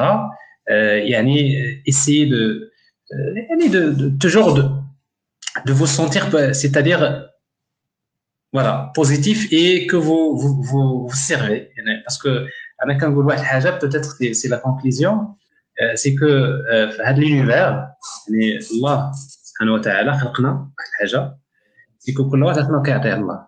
كل واحد شنو عطاه يعني فريمون ما تشوفوش ما عمركم تشوفوا شي واحد كتقول أنا عندي ولا ما عنديش. راه شوف تو الموند كيلكو شوز راه كاين اللي عطاه الله لا كونيسونس كاين اللي عطاه الله الفلوس. كاين اللي عطاه الله تبارك الله الصحة. وكاين اللي كل واحد شنو عنده؟ كاين اللي عنده الوقت. كاين اللي راه سي انكرويابل راه شاكان ا كيك شوز ا دوني il peut donner de l'argent? Quel est celui qui peut donner le temps, les autres. Quel est celui qui peut donner le khatar? Quel les radires par exemple, quelqu'un, vraiment du sourire. Quelqu'un qui s'oriente, il sourit aux gens, il leur donne. Chacun a quelque chose à donner. Donc, Adiel, le secret de ah, Rana, ce que je vois euh, comme ça, c'est que, euh, en fait, euh, Allah subhanahu wa ta'ala, qui a donné une chose, c'est tout simplement pour savoir qu'est-ce qu'on va faire avec. Wesh. Parce qu'en fait, dans le, monde, on est fait pour, vous savez, la biodiversité, c'est quelque chose qui est prouvé. C'est-à-dire chaque chose, il est là pour quelqu'un d'autre. Les insectes sont là pour les, animaux sont faits pour servir autre chose. Entre humains, on est fait pour servir. La, la biodiversité, c'est ça. La nature, c'est ça. C'est que l'univers, il est créé. C'est que les lois de, l'univers, c'est que chacun a quelque chose à donner. Ou, bien sûr, quand je dis chacun a quelque chose à donner, automatiquement, il reçoit. Parce que, euh, je reçois des autres. Euh, donc, ami comme comme donner, donner c'est un peu ça. C'est-à-dire, euh, sortez de, de, de, il faut être positif. Que tu donnes quelque chose, que tu, tu, tu, euh, tu participes dans le, le, le, la vie positive, on, va dire, ah, croyez-moi que vous allez vivre très heureux. Alors peut-être c'est pas heureux, ça veut pas dire euh, avoir beaucoup d'argent ou là avoir de l'argent ou là tout ça, parce que c'est il n'y a pas mieux que à, un moment donné quand tu le soir كتكا كتنعس بخير وعلى خير كتفيق وهذاك يعني tu vis une vie normale il n'y a pas mieux que ça hein. alors maintenant en arrière les كنقول c'est que même si vous sentez la pression si vous sentez que vous vivez dans des moments difficiles peut-être alors ne cédez pas ne cédez pas l'esprit négatif ne cédez pas يعني soyez toujours حيد راه اش كيقول لك يعني dans votre dans votre personnalité راه كاين كاين كاين اللي كيجرك النيجاتيف كاين اللي كيجرك البوزيتيف مي انتم ما حدكم كتجروا البوزيتيف راه vous êtes en train de d'éliminer en quelque sorte les, les, يعني les comportements négatifs que, qui, qui viennent dans la tête parce que l'esprit de l'être humain euh, mais quand vous négatif là je parle pas de quelque chose de, de mauvais ou là c'est juste parce que être optimiste ou de la pessimiste voilà. être, soyez optimiste voilà Et soyez plus optimiste, souriez, euh, regardez toujours euh, les, gens, euh, etc. Mais ne perdez pas le temps. Le temps, il n'y a plus de, de temps à perdre. Yani vraiment, alors, il aime acheter le café, tu prends un café, le café, mais c'est pour faire quelque chose. Tu prends ton café, mais en même temps, tu es en train de faire quelque chose. tu pars, tu sors avec ton ami le, le, le, là, انا كنهز في لو فواياج سي في لا شونس دالي في واحد البيس ولا في لوتوكار راه في هذاك لو باركور ديال البيس انا غادي نهز نقرا ان بتي بوكان ولا نكتب شي حاجه ولا سي سي سي سي جوست بور فو دير c'est agréable. Ne perdez pas le temps. Il n'y a plus de temps à perdre. Il y a plein de choses à faire, mais que c'est des, des positifs. Voilà. Alors, euh, Je pense que j'ai جي دي ان بو دي شوز صراحة صراحة درتي ختام مهم مسك الحاجة اللي خصها باش نساليو بها هي اللي هي اللي درتي بها. شكرا بزاف وركزتي على القضية ديال السونتي مونتال. صراحة راه شي حاجة اللي هي مهمة. وكل شيء ساباز لازم كسوا في لانفورماتيك ولا ماشي في لانفورماتيك ضروري خص بنادم يركز على هاد لي تروك هادو. دونك جو كخوا حطمنا الريكورد تقريبا هذه أطول حلقة في التاريخ ديال إكس بلا بلا حلقة 60 كانت هي أطول حلقة. وفي سيلمون دابا تقريبا 3 سوايع و 22 دقيقة. شكرا بزاف أستاذ يوسفي صراحة على, على, الوقت ديالك وشكرا بزاف الناس اللي اللي كانوا معنا وبقاو معنا هاد الوقيتة كاملة. صراحة ثلاث السوايع ماشي ماشي سهله باش إنك تبقى متبع شي ايميسيون الناس اللي كيتبعوا كيكس بلا بلا الحلقة الجاية غادي تكون إن شاء الله كما شرت ليها في فاش فاش دوينا على ستيت غادي تكون نديرو فيها لي ريزولطا نتاع نتاع ستيت اوف ديف بو ام ا دونك بيتيتر اللي بغا دي حقاش كاين تقريبا شي 45 سؤال دونك غادي نحاولوا نتريتيهم ونشوفوا كسوا الصالير كسوا شنو هما لي تكنولوجي اللي كاينين دونك كاين بزاف الأسئلة. ما تنساوش أنكم نهار الحد الجاي اي جيس إلا كان داكشي واجد حيت مازال ما عرفتش 100% دونك غالبا السيمانة الجاية نهار الحد مع 8 آه، نفس الوقت. غادي تكون الحلقة ديال ستيت اوف ديف بو ام سيريوس في دابا راه ولف معنا جيكس بلا بلا مادام دوز ثلاثة سوايع ضروري غيجي معنا مرة أخرى ضروري. اون برانسيب كنكونوا مرحبا. دونك ضروري غادي يجي معنا مرة أخرى إن شاء الله. كما قلنا لكم جو كخوا شكرا بزاف الناس اللي سولوا حتى الناس اللي حطوا الأسئلة ديالهم. شوية ديزولي صراحة ما قدرتش نسولوا كاع الأسئلة. آه، هادشي اللي عطا الله. دونك الأستاذ يوسف بقى معايا. دونك أنا غادي نحاول نسالي اللايف وي نجي عاوتاني une autre fois. Et on peut parler de choses bien précises peut-être des petits détails qui sont importants.